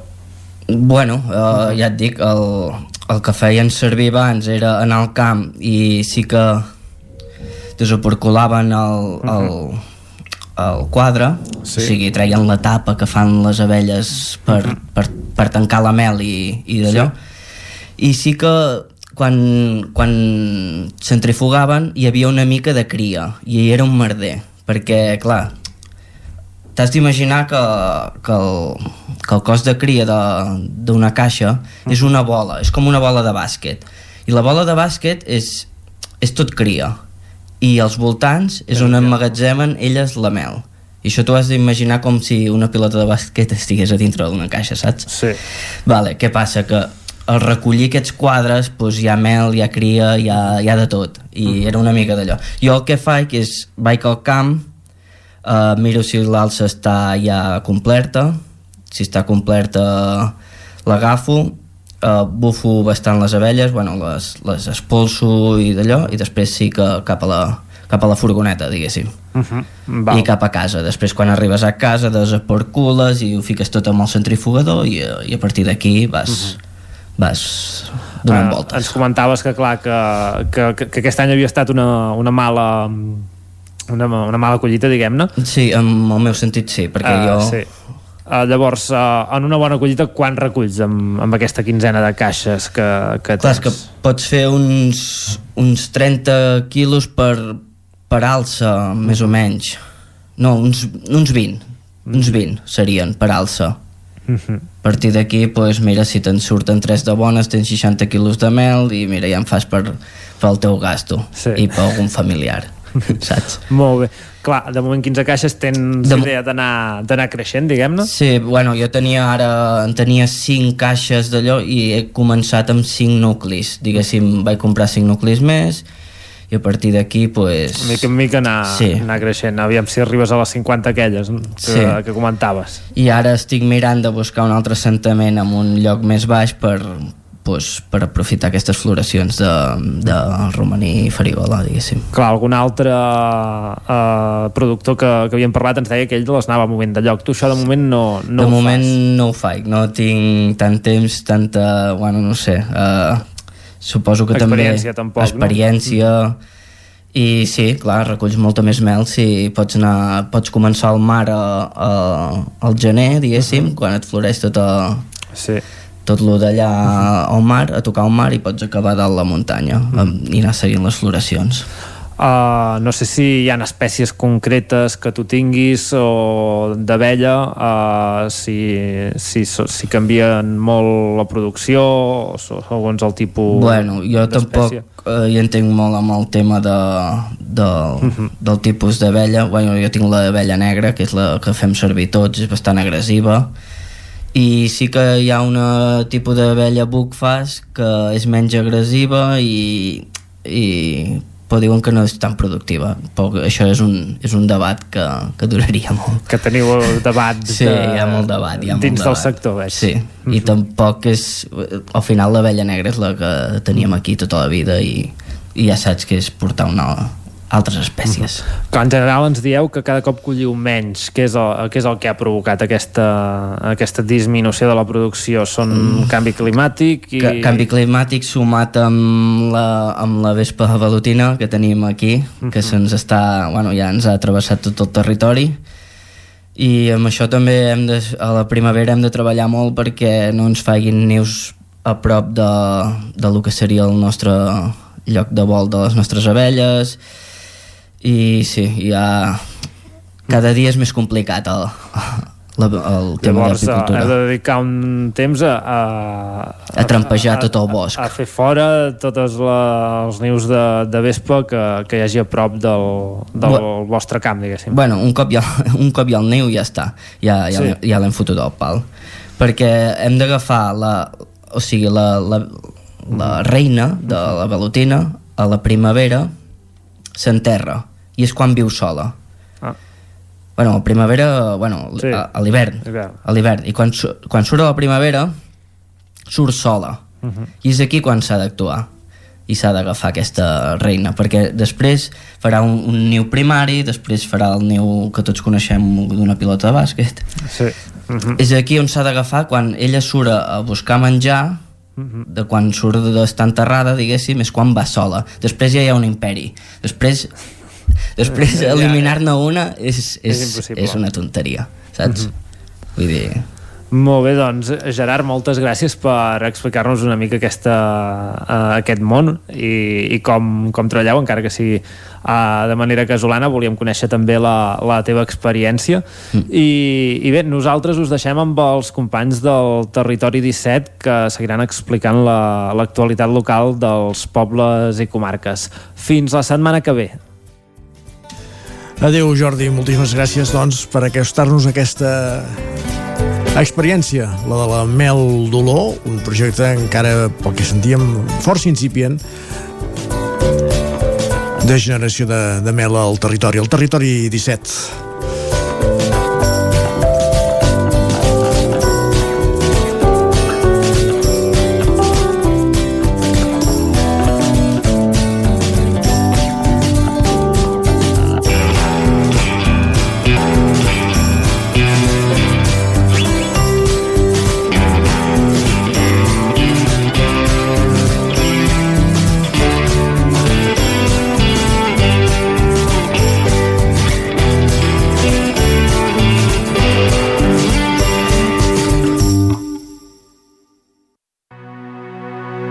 Territori 17.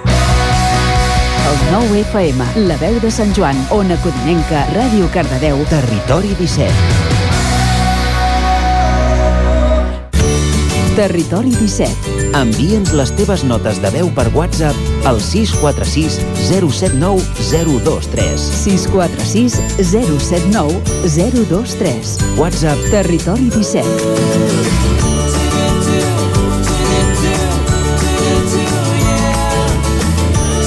Territori 17. Som a Facebook, Twitter i Instagram amb l'usuari Territori 17.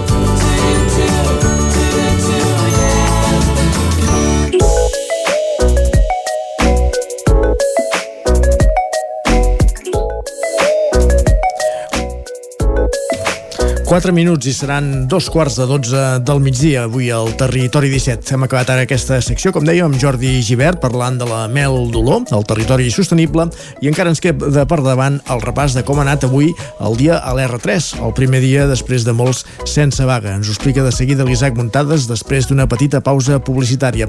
I acabarem al Territori 17 després d'aquest repàs a l'R3, com cada dimecres, fent un repàs a l'agenda cultural de les nostres comarques, el que ens deparen els propers dies, el que podem anar a veure teatres, sales de concerts, les que puguin començar a obrir a partir d'aquesta de, de la, la permissivitat d'obertura de, de sales i d'oci nocturn el proper divendres. Com dèiem, fem una petita pausa tot seguit i tornem el Territori 17 amb els continguts que falten per arribar fins al punt de les 12, l'hora en què un dia més tancarem la paradeta. Fins ara mateix.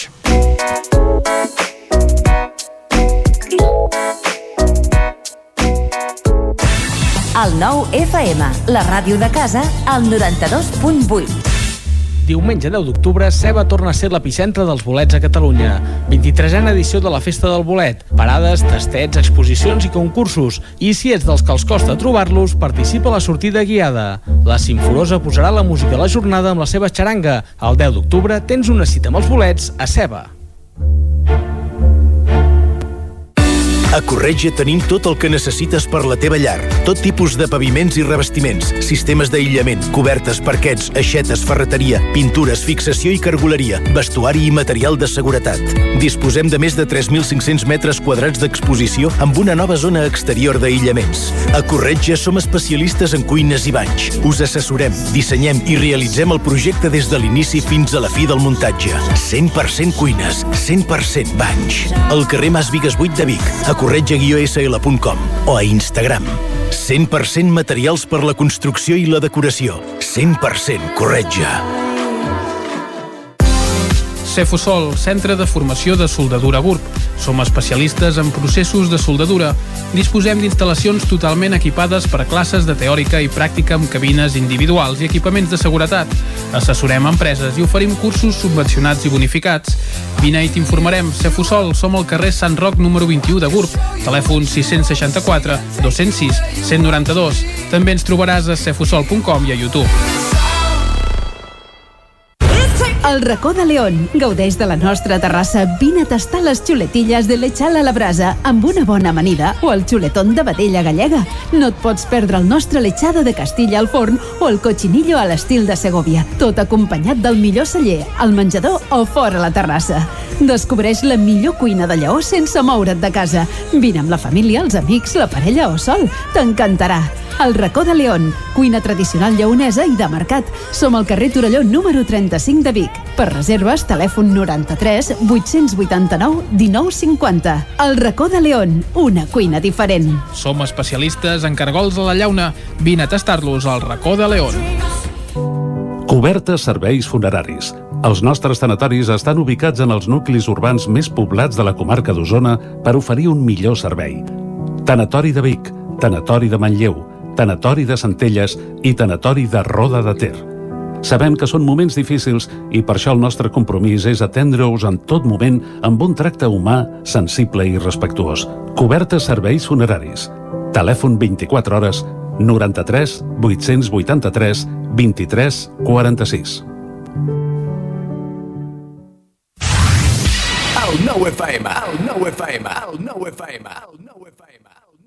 Territori 17 A Tren d'Alba. Cada dia els usuaris de la línia R3 de Rodalies que veuen sortir el sol des d'un vagó ens expliquen les gràcies i les penes del primer comboi que uneix Ripoll i Barcelona. Benvinguts a Tren d'Alba. Doncs avui teòricament no hi ha vaga, almenys oficialment, perquè els trens van tard igualment. Però tranquils, que en els pròxims dies els maquinistes tornen a la vaga. Però per què fan vaga els maquinistes? Doncs públicament el sindicat SEMAF diu que la protesta és per la reducció de la plantilla i de circulacions que hi ha perquè no es cobreixen totes les jubilacions. Però això és un problema crònic que no ve d'ara, sinó de ja fa anys. Curiosament, la vaga ha arribat amb la coincidència de l'anunci del Ministeri de Transports de portar a la taula de diàleg entre l'estat espanyol i la Generalitat el possible traspàs real de Rodalies a la Generalitat. Resulta que força treballadors creuen que si la Generalitat n'assumeix les competències, se'ls pot abaixar el sou perquè els seus salaris estan molt per sobre de la resta d'empreses ferroviàries d'Espanya. Potser sí que se'ls hauria de baixar el sou després de retards continus diaris que hi ha cada dia. Qui no fa bé la seva feina... També els preocupa no poder demanar el trasllat a un altre lloc de l'Estat, ja que el 75% dels maquinistes de Rodalies són de fora de Catalunya. Al principi se'ls destina aquí perquè no hi ha pràcticament personal al territori, però al cap d'uns anys demanen plaça al seu lloc d'origen i ja no els tornem a veure mai més. Us deixo amb la crònica de la Glòria Francolí. Hola, molt bon dia. Aquí la Glòria des de la C-17. Eh? Mesos que us hagi de fer una crònica des del cotxe. Bé, jo he decidit aquests dies, mentre duri aquesta vaga de, dels maquinistes, de no anar amb tren, perquè això de que no sàpigues si hi haurà o no hi haurà trens em sembla massa, massa bèstia. És a dir, jo al matí no vull fer jocs de cucanya, com em va tocar fer la setmana passada. I sí que m'ho podria mirar per descomptat si el tren passa o no passa, però és que, de veritat, o sigui, ho trobo surrealista. Em fa molta mandra i total que he optat per no agafar trens aquests dies. Tot el respecte per, la, per, les, va, per, per els motius pels quals els maquinistes fan vaga, perquè segur que tenen tota la raó del món, però bueno, que, que no, que jo passo d'estar-me de, tirada, tirada a les estacions esperant si el senyor maquinista decideix aquell dia agafar el tren o no agafar-lo. O sigui, això per mi no, no hauria de ser així. En qualsevol cas, la decisió que he pres avui d'anar amb cotxe tampoc ha sigut la millor decisió. Hem marxat de Torelló a dos quarts de set del matí i encara no som ni a parets. O sigui, imagineu-vos, ens hem trobat obres a... que fa riure i tot, eh? Ens hem trobat obres a, a la zona d'aigua freda. Hem estat 40 minuts totalment parats i, i ara també estem en, en una zona bastant en bus, arribant a la zona del Pinós, més o menys, però vaja, que avui vés a saber a quina hora arribarem perquè la carretera realment està impossible. I només com a nota, mentre ens estava, mentre estàvem arribant a la Garriga hem vist passar el tren que avui, avui el senyor maquinista deu haver decidit que sí que, que passava. Potser és avui un dels dies en què no hi ha vaga, però estimir això ja em sembla de màxima complicació haver de mirar cada dia si n'hi ha, no n'hi ha, decidir si l'agafes o no l'agafes. Doncs això que us deia, que jo eh, a partir del dia 12 revisaré si els trens eh, tornen a anar i mentrestant em buscaré la vida. vale? I faig la nota ara perquè vés a saber a quina hora arribaré a casa, un cop, ah, perdó, un cop, a quina hora arribaré a l'oficina, un cop arribi a Barcelona encara tinc una hora de transport públic per, per arribar a l'oficina, o sigui que no ho sé. Parlem la setmana que ve. Va, que tingueu tots i totes molt bon dia. Doncs bé, ja no afegiré res més. La vaga continua. Ens retrobem demà amb més històries del tren i de l'R3.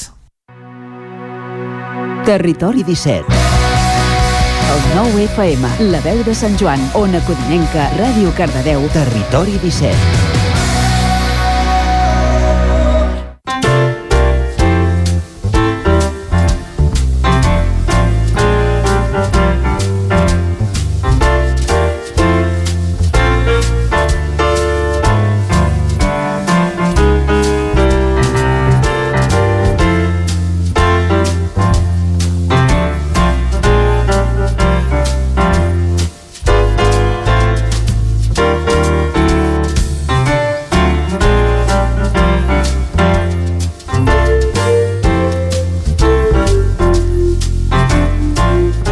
Passen 5 minuts a dos quarts de 12, moment d'entrar a conèixer l'agenda cultural de les nostres comarques per als propers dies. I comencem aquest recorregut a Cardedeu, a Ràdio i Televisió Cardedeu, amb l'Òscar Muñoz. Òscar, bon dia de nou. Bon dia. Com estem? Doncs estem bé. Així és Tenim... Avui portem així un recull no, no massa, no hi ha massa programació cultural per aquestes setmanes, encara estem començant així a arrencar aquesta programació, però aquí podem destacar eh, doncs, cosetes així que comencem. Eh, divendres a dos quarts de vuit a Cardedeu eh, Jordi Labrina presenta el poemari L'anell a la Biblioteca Mar de Vialba. Uh -huh. I em diuen que l'anell és aproximadament un dietari o una memòria d'uns dies passats a París del protagonista del poema amb la seva amiga. Eh, aquesta, en aquesta presentació eh, estarà l'autor, faran la participació i estarà presentada per l'Anna Costa. Això serà eh, divendres a dos quarts de vuit a la Biblioteca Mar de Vialba. I diumenge al Teatre Victòria de Cardedeu eh, acull l'obra de teatre Salomé de la Cremosa i és allò que ha fet eh, que la Salomé d'Oscar Wilde doncs, passi a la història aquest aquesta obra de teatre ja l'havíem comentat eh, la temporada passada, però torna a ser-hi al, al Teatre Auditori de Cardedeu, que encara queden entrades i es poden adquirir a la taquilla. Molt bé. I de Cardedeu ens anem a Granollers. Sí. També destaquem dues activitats eh, musicals. La primera divendres a les 8 dins el 49è eh, cicle de jazz de, Gra de Granollers portarà el Martín Díaz Quintet és una formació integrada per músics eh, de l'actual escena jazzística liderats pel saxofonista d'Argentona, el Martín Díaz, i doncs això ens presentaran el disc que aterra el panorama musical com el guanyador d'un premi Downbeat que otorga la revista americana de jazz Downbeat Magazine. O sigui que eh, són un grupet d'aquí, eh, un, un quintet d'aquí local que té com eh, eh, això, el downbeat que és màxim de la revista de jazz dels Estats Units. Uh -huh. I acabem divendres també eh, a Granollers amb el concert de Perro, és un concert de rock, concert gratuït a l'espai eh, d'equipament juvenil de Granollers, al GRA, l'equipament de joves, i això serà un concert del grup guanyador eh, del concurs És Música del 2021, o sigui, d'aquest any, i és una formació de rock dur, hem, hem comentat, en castellà, amb composicions pròpies i amb un primer EP anomenat Aullidos de, la, de una noche. Així que porten diversos premis eh, també de diferents certàmens musicals a Catalunya i això, com hem comentat, divendres a les 8 a l'equipament juvenil GRA de Granollers. Les entrades són gratuïtes. Perfecte, doncs aquestes últimes dues propostes musicals, Perro, Rock Du i Martín Díaz Quartet, un, un quartet de, de jazz, dues propostes que poden trobar a Granollers, com deies, aquests propers dies. Gràcies, Òscar. Anem de Cardeu cap a Sant Feliu de Codines, Caral Campàs, bon dia de nou. Bon dia. Què ens depara l'agenda per aquests dies? Doncs mireu, començo amb un apunt perquè sobretot em centraré en les jornades europees de patrimoni, uh Mhm. -huh. però abans us comento que a Sant Feliu de Codines tenim una proposta teatral aquest cap de setmana, concretament diumenge a les 6 de la tarda el centre cívic acollirà una mort a mitges, que és una comèdia amb Maite Carreras i Cristina Solà. Aquesta obra, doncs, com, com totes les activitats culturals eh, l'últim eh, any, eh, any i mig, doncs va doncs, amb entrada prèvia pel tema d'aforament. Um, i obro i començo doncs, l'explicació uh, d'aquestes jornades europees de patrimoni que enguany es centren en 30 anys de descobertes val? en la majoria de poblacions de la nostra zona de cobertura uh, tenim activitats enmarcades en això, no? hi ha un reguitzell for força extens i per exemple uh, precisament a Sant Feliu de Codines aquest divendres a la sala d'actes de la biblioteca es presenta el primer treball cartogràfic conegut de l'arquitecte Antoni Rovira i Trias. Serà, com deia, divendres a la sala d'actes de la Biblioteca de Sant Feliu de Codines a dos quarts de vuit. I també en el marc d'aquestes jornades europees tenim propostes a Vigues i Riells del Fai, eh, tant dissabte com diumenge. Mm, dissabte s'ha organitzat una visita guiada al jaciment ibèric de Puiggraciós, que precisament recentment s'ha doncs, iniciat eh, una nova campanya arqueològica, de fet la tercera des que el 2020 doncs, es va tornar a excavar a aquesta zona, eh, i bé, serà aquest dissabte, es començarà eh, a les 9 del matí, s'ha convocat doncs, per pujar a peu des de l'església de Sant Pere i, i Sant Pau de Vigues, eh, una caminada organitzada des del grup excursionista de Vigues i Riells del FAI Amics dels Cingles de Bertí i després es preveu que a les 11 s'arribi al jaciment ibèric de Puiggraciós. Eh, qui no vulgui anar-hi a peu doncs, amb l'excursió i pot anar pel seu compte eh, serà el punt de trobada davant del santuari i es farà aquesta visita guiada. Per participar-hi que l'inscripció prèvia a través de eh, i l'endemà, diumenge hi ha una altra visita guiada, en aquest cas al castell de Montbui, aquest castell que recentment doncs, va ser víctima d'actes vandàlics que alguns, eh, algunes persones van doncs, realitzar grafitis a les parets del castell. Uh -huh. uh, doncs bé, uh, aquest diumenge hi ha una visita guiada al castell de Montbui, um, també en places limitades i amb inscripcions a través d'entrapolis.com serà aquest diumenge a les 11 del matí. En aquest cas doncs, no hi ha com excursió o caminada prèvia, sinó que um, es convoca directament allà. Uh, també en el marc de les jornades i en aquest cas al Moianès tenim diverses uh, qüestions a comentar uh, dissabte a Castellterçol um, hi han portes obertes de la casa Museu Prat de la Riba dissabte de 10 del matí a dos quarts de dues i de 3 a dos quarts de 6 de la tarda. També a Granera. En aquest cas s'organitza una visita guiada al castell de Granera. Eh, se sortirà del casal amb la guia Roser Enric i caminen fins al castell i llavors allà es farà una explicació a càrrec de la mateixa Roser eh, Enric i a la tornada doncs, eh, hi haurà una actuació al casal a càrrec del grup format per Son John Bixton amb guitarra i veu i Suet Marta amb, harmon amb Harmonia Qui Veu. Um, això serà Granera. Després a l'Estany també tenim una visita guiada, en aquest cas al claustre del monestir, a les 11 del matí. Tot això que estic comentant és, és dissabte, eh? Sí, sí. Um, a la, a l'estany doncs, a les 11 visita guiada al claustre del monestir. Eh, i a Mollà també hi haurà doncs, portes obertes en aquest cas doncs, eh, com podeu imaginar al Museu de Mollà casa eh, natal de Rafael Casanova de dos quarts d'onze dues del migdia i dos, de dos quarts de quatre a les sis de la tarda. I l'endemà eh, diumenge també tenim eh, diverses propostes en el marc d'aquestes jornades europees de patrimoni. A Castellcí a, a les 11 del matí a les Esplugues hi ha doncs, doncs, també visites guiades a aquesta casa. Um, a les 11 del matí es faran doncs, diverses visites i a les 12 del migdia eh, s'organitzen doncs, una jornada de contes amb Mònica Torra. Després a Castellterçol, eh, de les 10 del matí a les 3 del migdia, portes obertes a la Casa Museu Prat de la Riba i a Mollà, igual que diumenge, eh, dissabte també de 10 del matí a 3 de la tarda, també hi ha jornada de portes obertes a la casa, doncs al Museu de Mollà, Casa Natal, Rafael Casanova.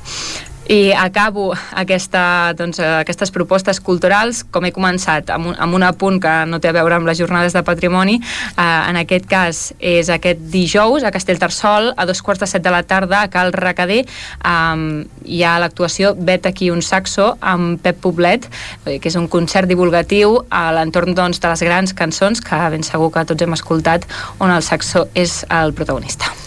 Doncs Pep Poblet, demà a Castellterçol, eh, una de les propostes que ens feia Escaral, des d'Ona Codinenca, també aquestes jornades europees del patrimoni, gràcies i a vosaltres, merci, fins demà.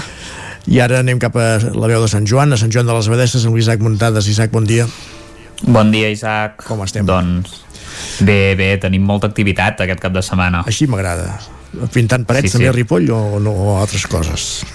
No, en principi les parets, que ara estan acabant el, el mural aquest famós, ja investigarem una mica més per, a, per al tema d'això de, de, de que hi ha, hagut, hi han aparegut alguns escrits en, en castellà del propi autor, però bé, suposo que també és llibertat artística en certa manera, no ho sabem com, com ho justificaran, però bé, uh, és, el, és el que hi ha. Però, ah, però deix... No anava per aquí, per això ho veiem.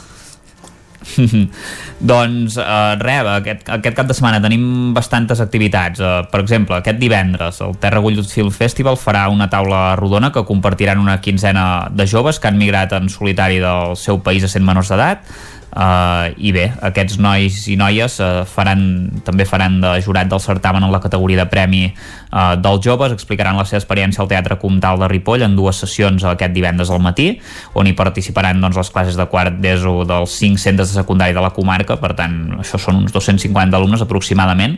I el principal objectiu d'aquesta activitat és combatre el racisme en els joves i que aquests puguin conèixer de primera mà doncs, quin ha estat el viatge físic i emocional d'aquests joves migrats la primera sessió es farà a dos quarts de deu del matí, la segona a dos quarts de dotze i amb dues comptaran amb, amb una presentació dels joves migrats, això de la taula rodona que dèiem, i la projecció dels curtmetatges Fàtima i els dies de No oblidarem, realitzats doncs, per aquests mateixos joves amb l'ajuda de, de cineastes.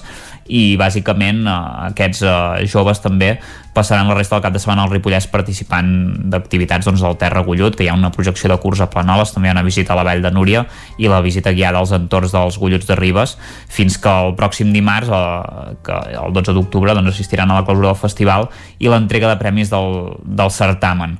Uh, una activitat d'aquest dissabte a Sant Joan de les Abadeses es faran dos actes d'homenatge al Sant Joaní Ramon Cotrina, escriptor, professor, traductor i sociòleg i activista per la llengua, que com sabeu doncs, va morir l'any passat, uh, a l'abril, uh, i evidentment doncs, la situació de la pandèmia en aquell moment no va permetre doncs, fer-li un homenatge públic i s'ha posposat fins ara i ara, ara es pot fer, a més a més doncs, serà un homenatge molt, molt maco perquè començarà doncs, a, amb una lectura d'una part de la seva obra en un espectacle que es dirà la cinta escabellada dels meus actes i que es farà davant del bust que es va inaugurar el 2016 en el seu honor, davant de l'edifici de Duran i Reinals, que havia acollit a eh, l'Escola Badesa Emma. L'acte està organitzat pel SAT Teatre Centre i començarà a les 11 i acabarà aproximadament doncs, en, en mitjoreta pràcticament ja estarà.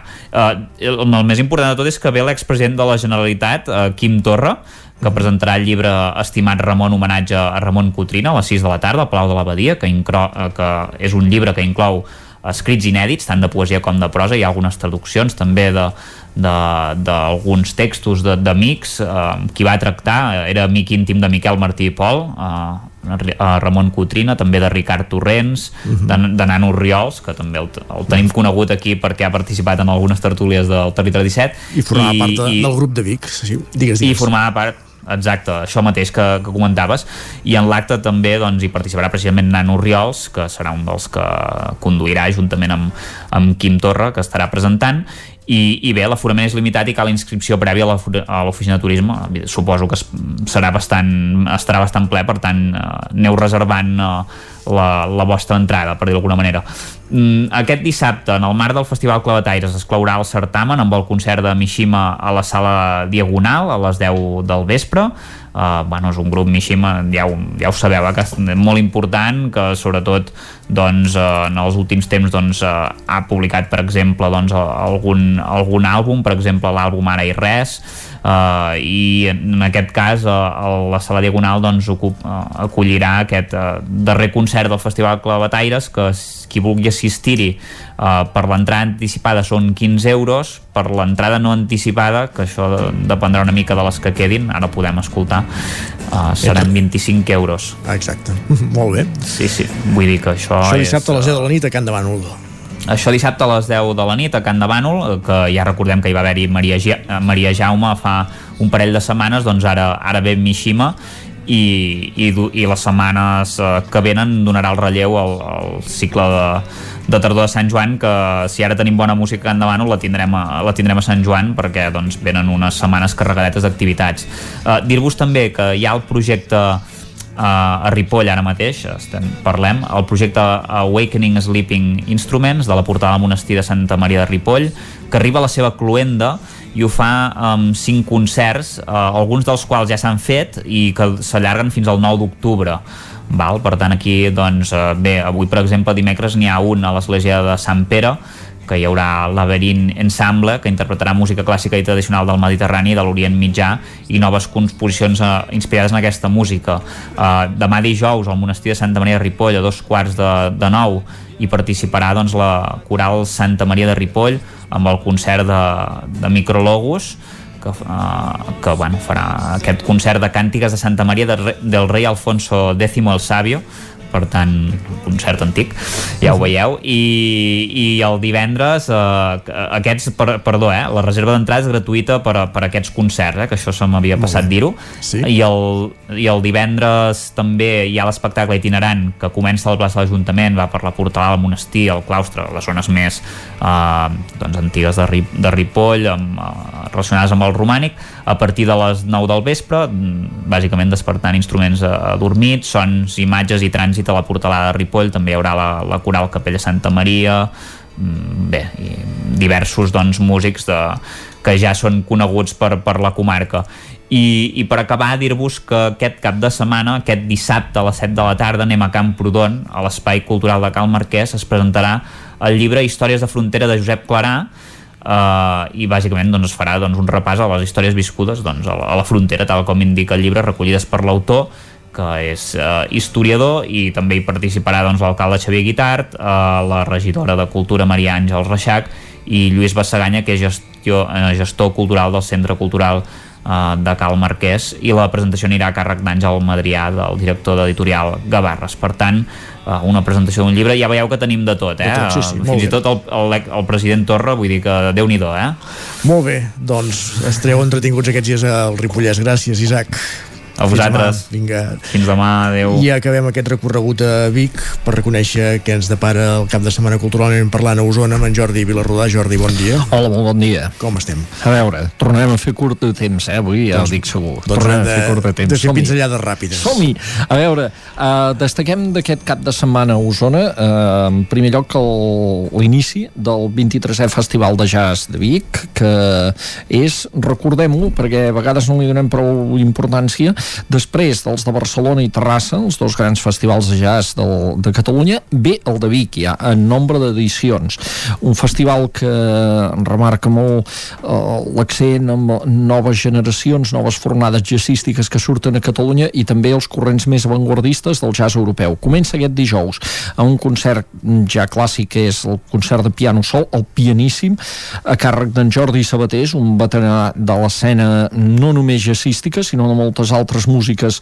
Això serà a la Jazz Cava a les 8 del vespre aquest dijous. Després tenim divendres, concerts divendres, concert divendres, vaja, a la, també a la mateixa hora i a la cava, Irene Reig Quintet, un quintet liderat per la saxofonista Irene Reig, exemple de que el festival posa accent, en, en, com dèiem, en noves generacions també i en dones, eh, dones músiques. Tenim també el dissabte eh, dos concerts, en tenim un a les 5 de la tarda a fora de la Jazz Cabal, que es diu l'escenari Alhambra, i patrocinador Cervesa Salambra eh? Uh, i, i és la festa d'aniversari del segell Underpool que és un segell català de jazz que ha fet 50 discos ja. Això s'havia de fer doncs el mes de juliol uh, al seminari de Vic allà al pati i no es va poder fer per circumstàncies covidianes. I doncs aquest concert que reuneix músics que han participat en tots aquests discos del segell Underpool es farà aquest dissabte. I al vespre el concert Estrella que és el concert de, del grup Atomic. Atomic és un grup escandinau, noruec-suec de jazz, un quintet que feia temps que els organitzadors del festival volien portar, fa 20 anys que, que treballen, ara estan a la gira de comiat precisament i el seu únic concert a Catalunya i a l'estat espanyol és el que faran a la Jazz Cava aquest dissabte a les 8 de vespre. Única actuació, per tant, única oportunitat per veure els Atòmic, que és un d'aquests grups que dèiem de l'escena més avantguardista europea, que normalment és nòrdica. I el diumenge tenim uh, un altre quartet de dones, eh, que és, uh, en aquest cas, les de Barcelona, que són l'Eva Fernández, la Magalí Magalí Datzira, Lucía Fumero i David Xirgo. De fet, són tres dones i un home, perdó. I eh, és una mena de superbanda, diguem, o sigui, un superquartet de jazz doncs, que s'ha que s'ha creat per fer alguns concerts, eh, excepcionalment. Eh, a veure... Els que de fons són els Atòmic, eh? Els Atòmic? Ah, doncs, aquí els tenim.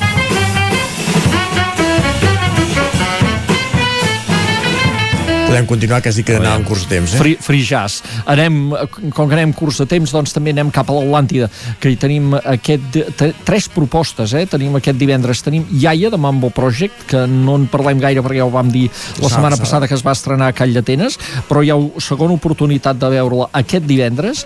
Després tenim eh, el dissabte, tenim Xiula, espectacle per públic familiar, música per públic familiar, amb descontrol parental, música i humor, també també, i després amb un espectacle familiar també diumenge amb Dream Airlines, que és una creació feta aquí per la fàbrica de somnis. Uh, per tant, tres dies de propostes a l'Atlàntida. Molt bé. I uh, hem d'esmentar um, dues actuacions musicals especials uh, en, en aquest cap de setmana. Una d'elles és el, el divendres al Sirvianum, en què uh, en Santi Carcassona uh, presenta el seu nou projecte musical. Després del que va de la banda que va crear, que es deia Peix, aquest projecte, doncs es va acabar i, i ara n'ha engegat un altre, que es diu Verge Santa. El Correcte. projecte musical és Verge Santa, Oh Yeah és la seva primera creació.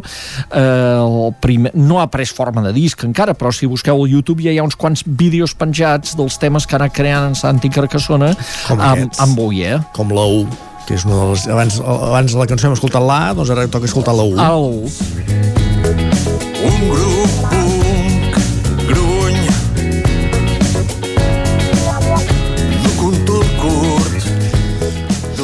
Ell és sobretot percussionista, però en aquest cas estarà més a la guitarra i a la veu que a les percussions, acompanyat d'en Sergi Riera i d'en Neil Brivian, que l'acompanyen doncs, en aquesta aventura musical nova que vol estrenar. Ell li fa il·lusió expressament doncs, que sigui estrenada a casa, és a dir, que s'estreni al Teatre Sirvianum com a Torellonenc. Una altra actuació musical que destaquem aquest cap de setmana és l'homenatge que es farà dissabte al casal Francesc Macià de Centelles a en Coqui, en Josep Maria Vila i Gironella, guitarrista usonenc que va morir el març d'aquest any i que mereixia doncs, aquest homenatge que li faran eh, gent del món de la música, uns 60 músics, molts d'ells de la comarca. En Coqui havia passat per formacions conegudes eh, a nivell nacional i més enllà per Aurelio Los Vagabundos, bars, etc. I per tant va reunir moltes amistats, molta gent que el coneixia i el considerava segurament un dels millors guitarristes que ha tingut d'Osona i se li farà aquest homenatge. Ell va morir només amb 59 anys per tant va ser una mort mm, diguem que, que, que no, d'aquelles que no toquen que per tant mm -hmm. són més sentides. I el dissabte a les, a partir de les 6 de la tarda tota la gent que, que el recorda eh, estarà a l'escenari del casal Francesc Macià de Centelles per fer-li aquest homenatge. Eh, continuem si encara tenim, tenim un moment un, amb un minut, altres sí, propostes que eh, destaquem potser doncs, les del cicle intrus ja pel forat del pany que es fan a llocs patrimonials del eh, Lluçanès. Té dues actuacions el dissabte eh, Carolina Lavau al piano i Elia Bastida al violí en el Mas Roca d'Olost i el diumenge al migdia eh, C15 Trio. C15 és l'eix transversal eh? un trio de músics també de una furgoneta temps enrere. Exacte, i també una, una furgoneta. Sí, sí. perdó, C25 és l'eix. Esclar, C15 no, no, la C15 és una altra, és, és una altra carretera exacte, exacte. també hi és, és l'eix diagonal diguéssim de... I, i aquests actuen al Cal Antònia d'Oristà en un concert vermut eh, ocasió doncs per no només anar a veure eh, no només anar a sentir música sinó anar a veure eh, espais patrimonials interessants molt bé Uh... Hi ha més coses, però ens les deixem a l'agenda del 9-9 i seran totes. Perfecte, doncs ho buscarem allà. Gràcies, Jordi, bon cap de setmana també. Gràcies.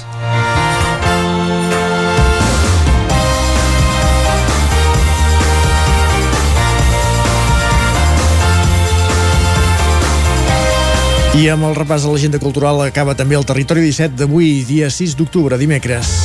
Núria Lázaro, Guillem Sánchez, Isaac Muntades, Guillem Rico, Caral Campàs, Jordi Givert, Òscar Muñoz, Jordi Vilarrodà, Jordi Sunyer Isaac Moreno. Us hem acompanyat des del punt de les 9 del matí. Demà hi tornem a la mateixa hora. Que vagi molt bé.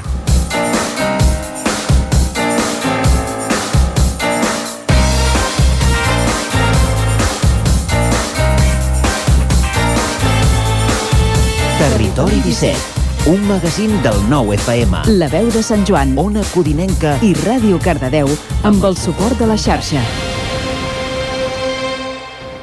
El nou FM.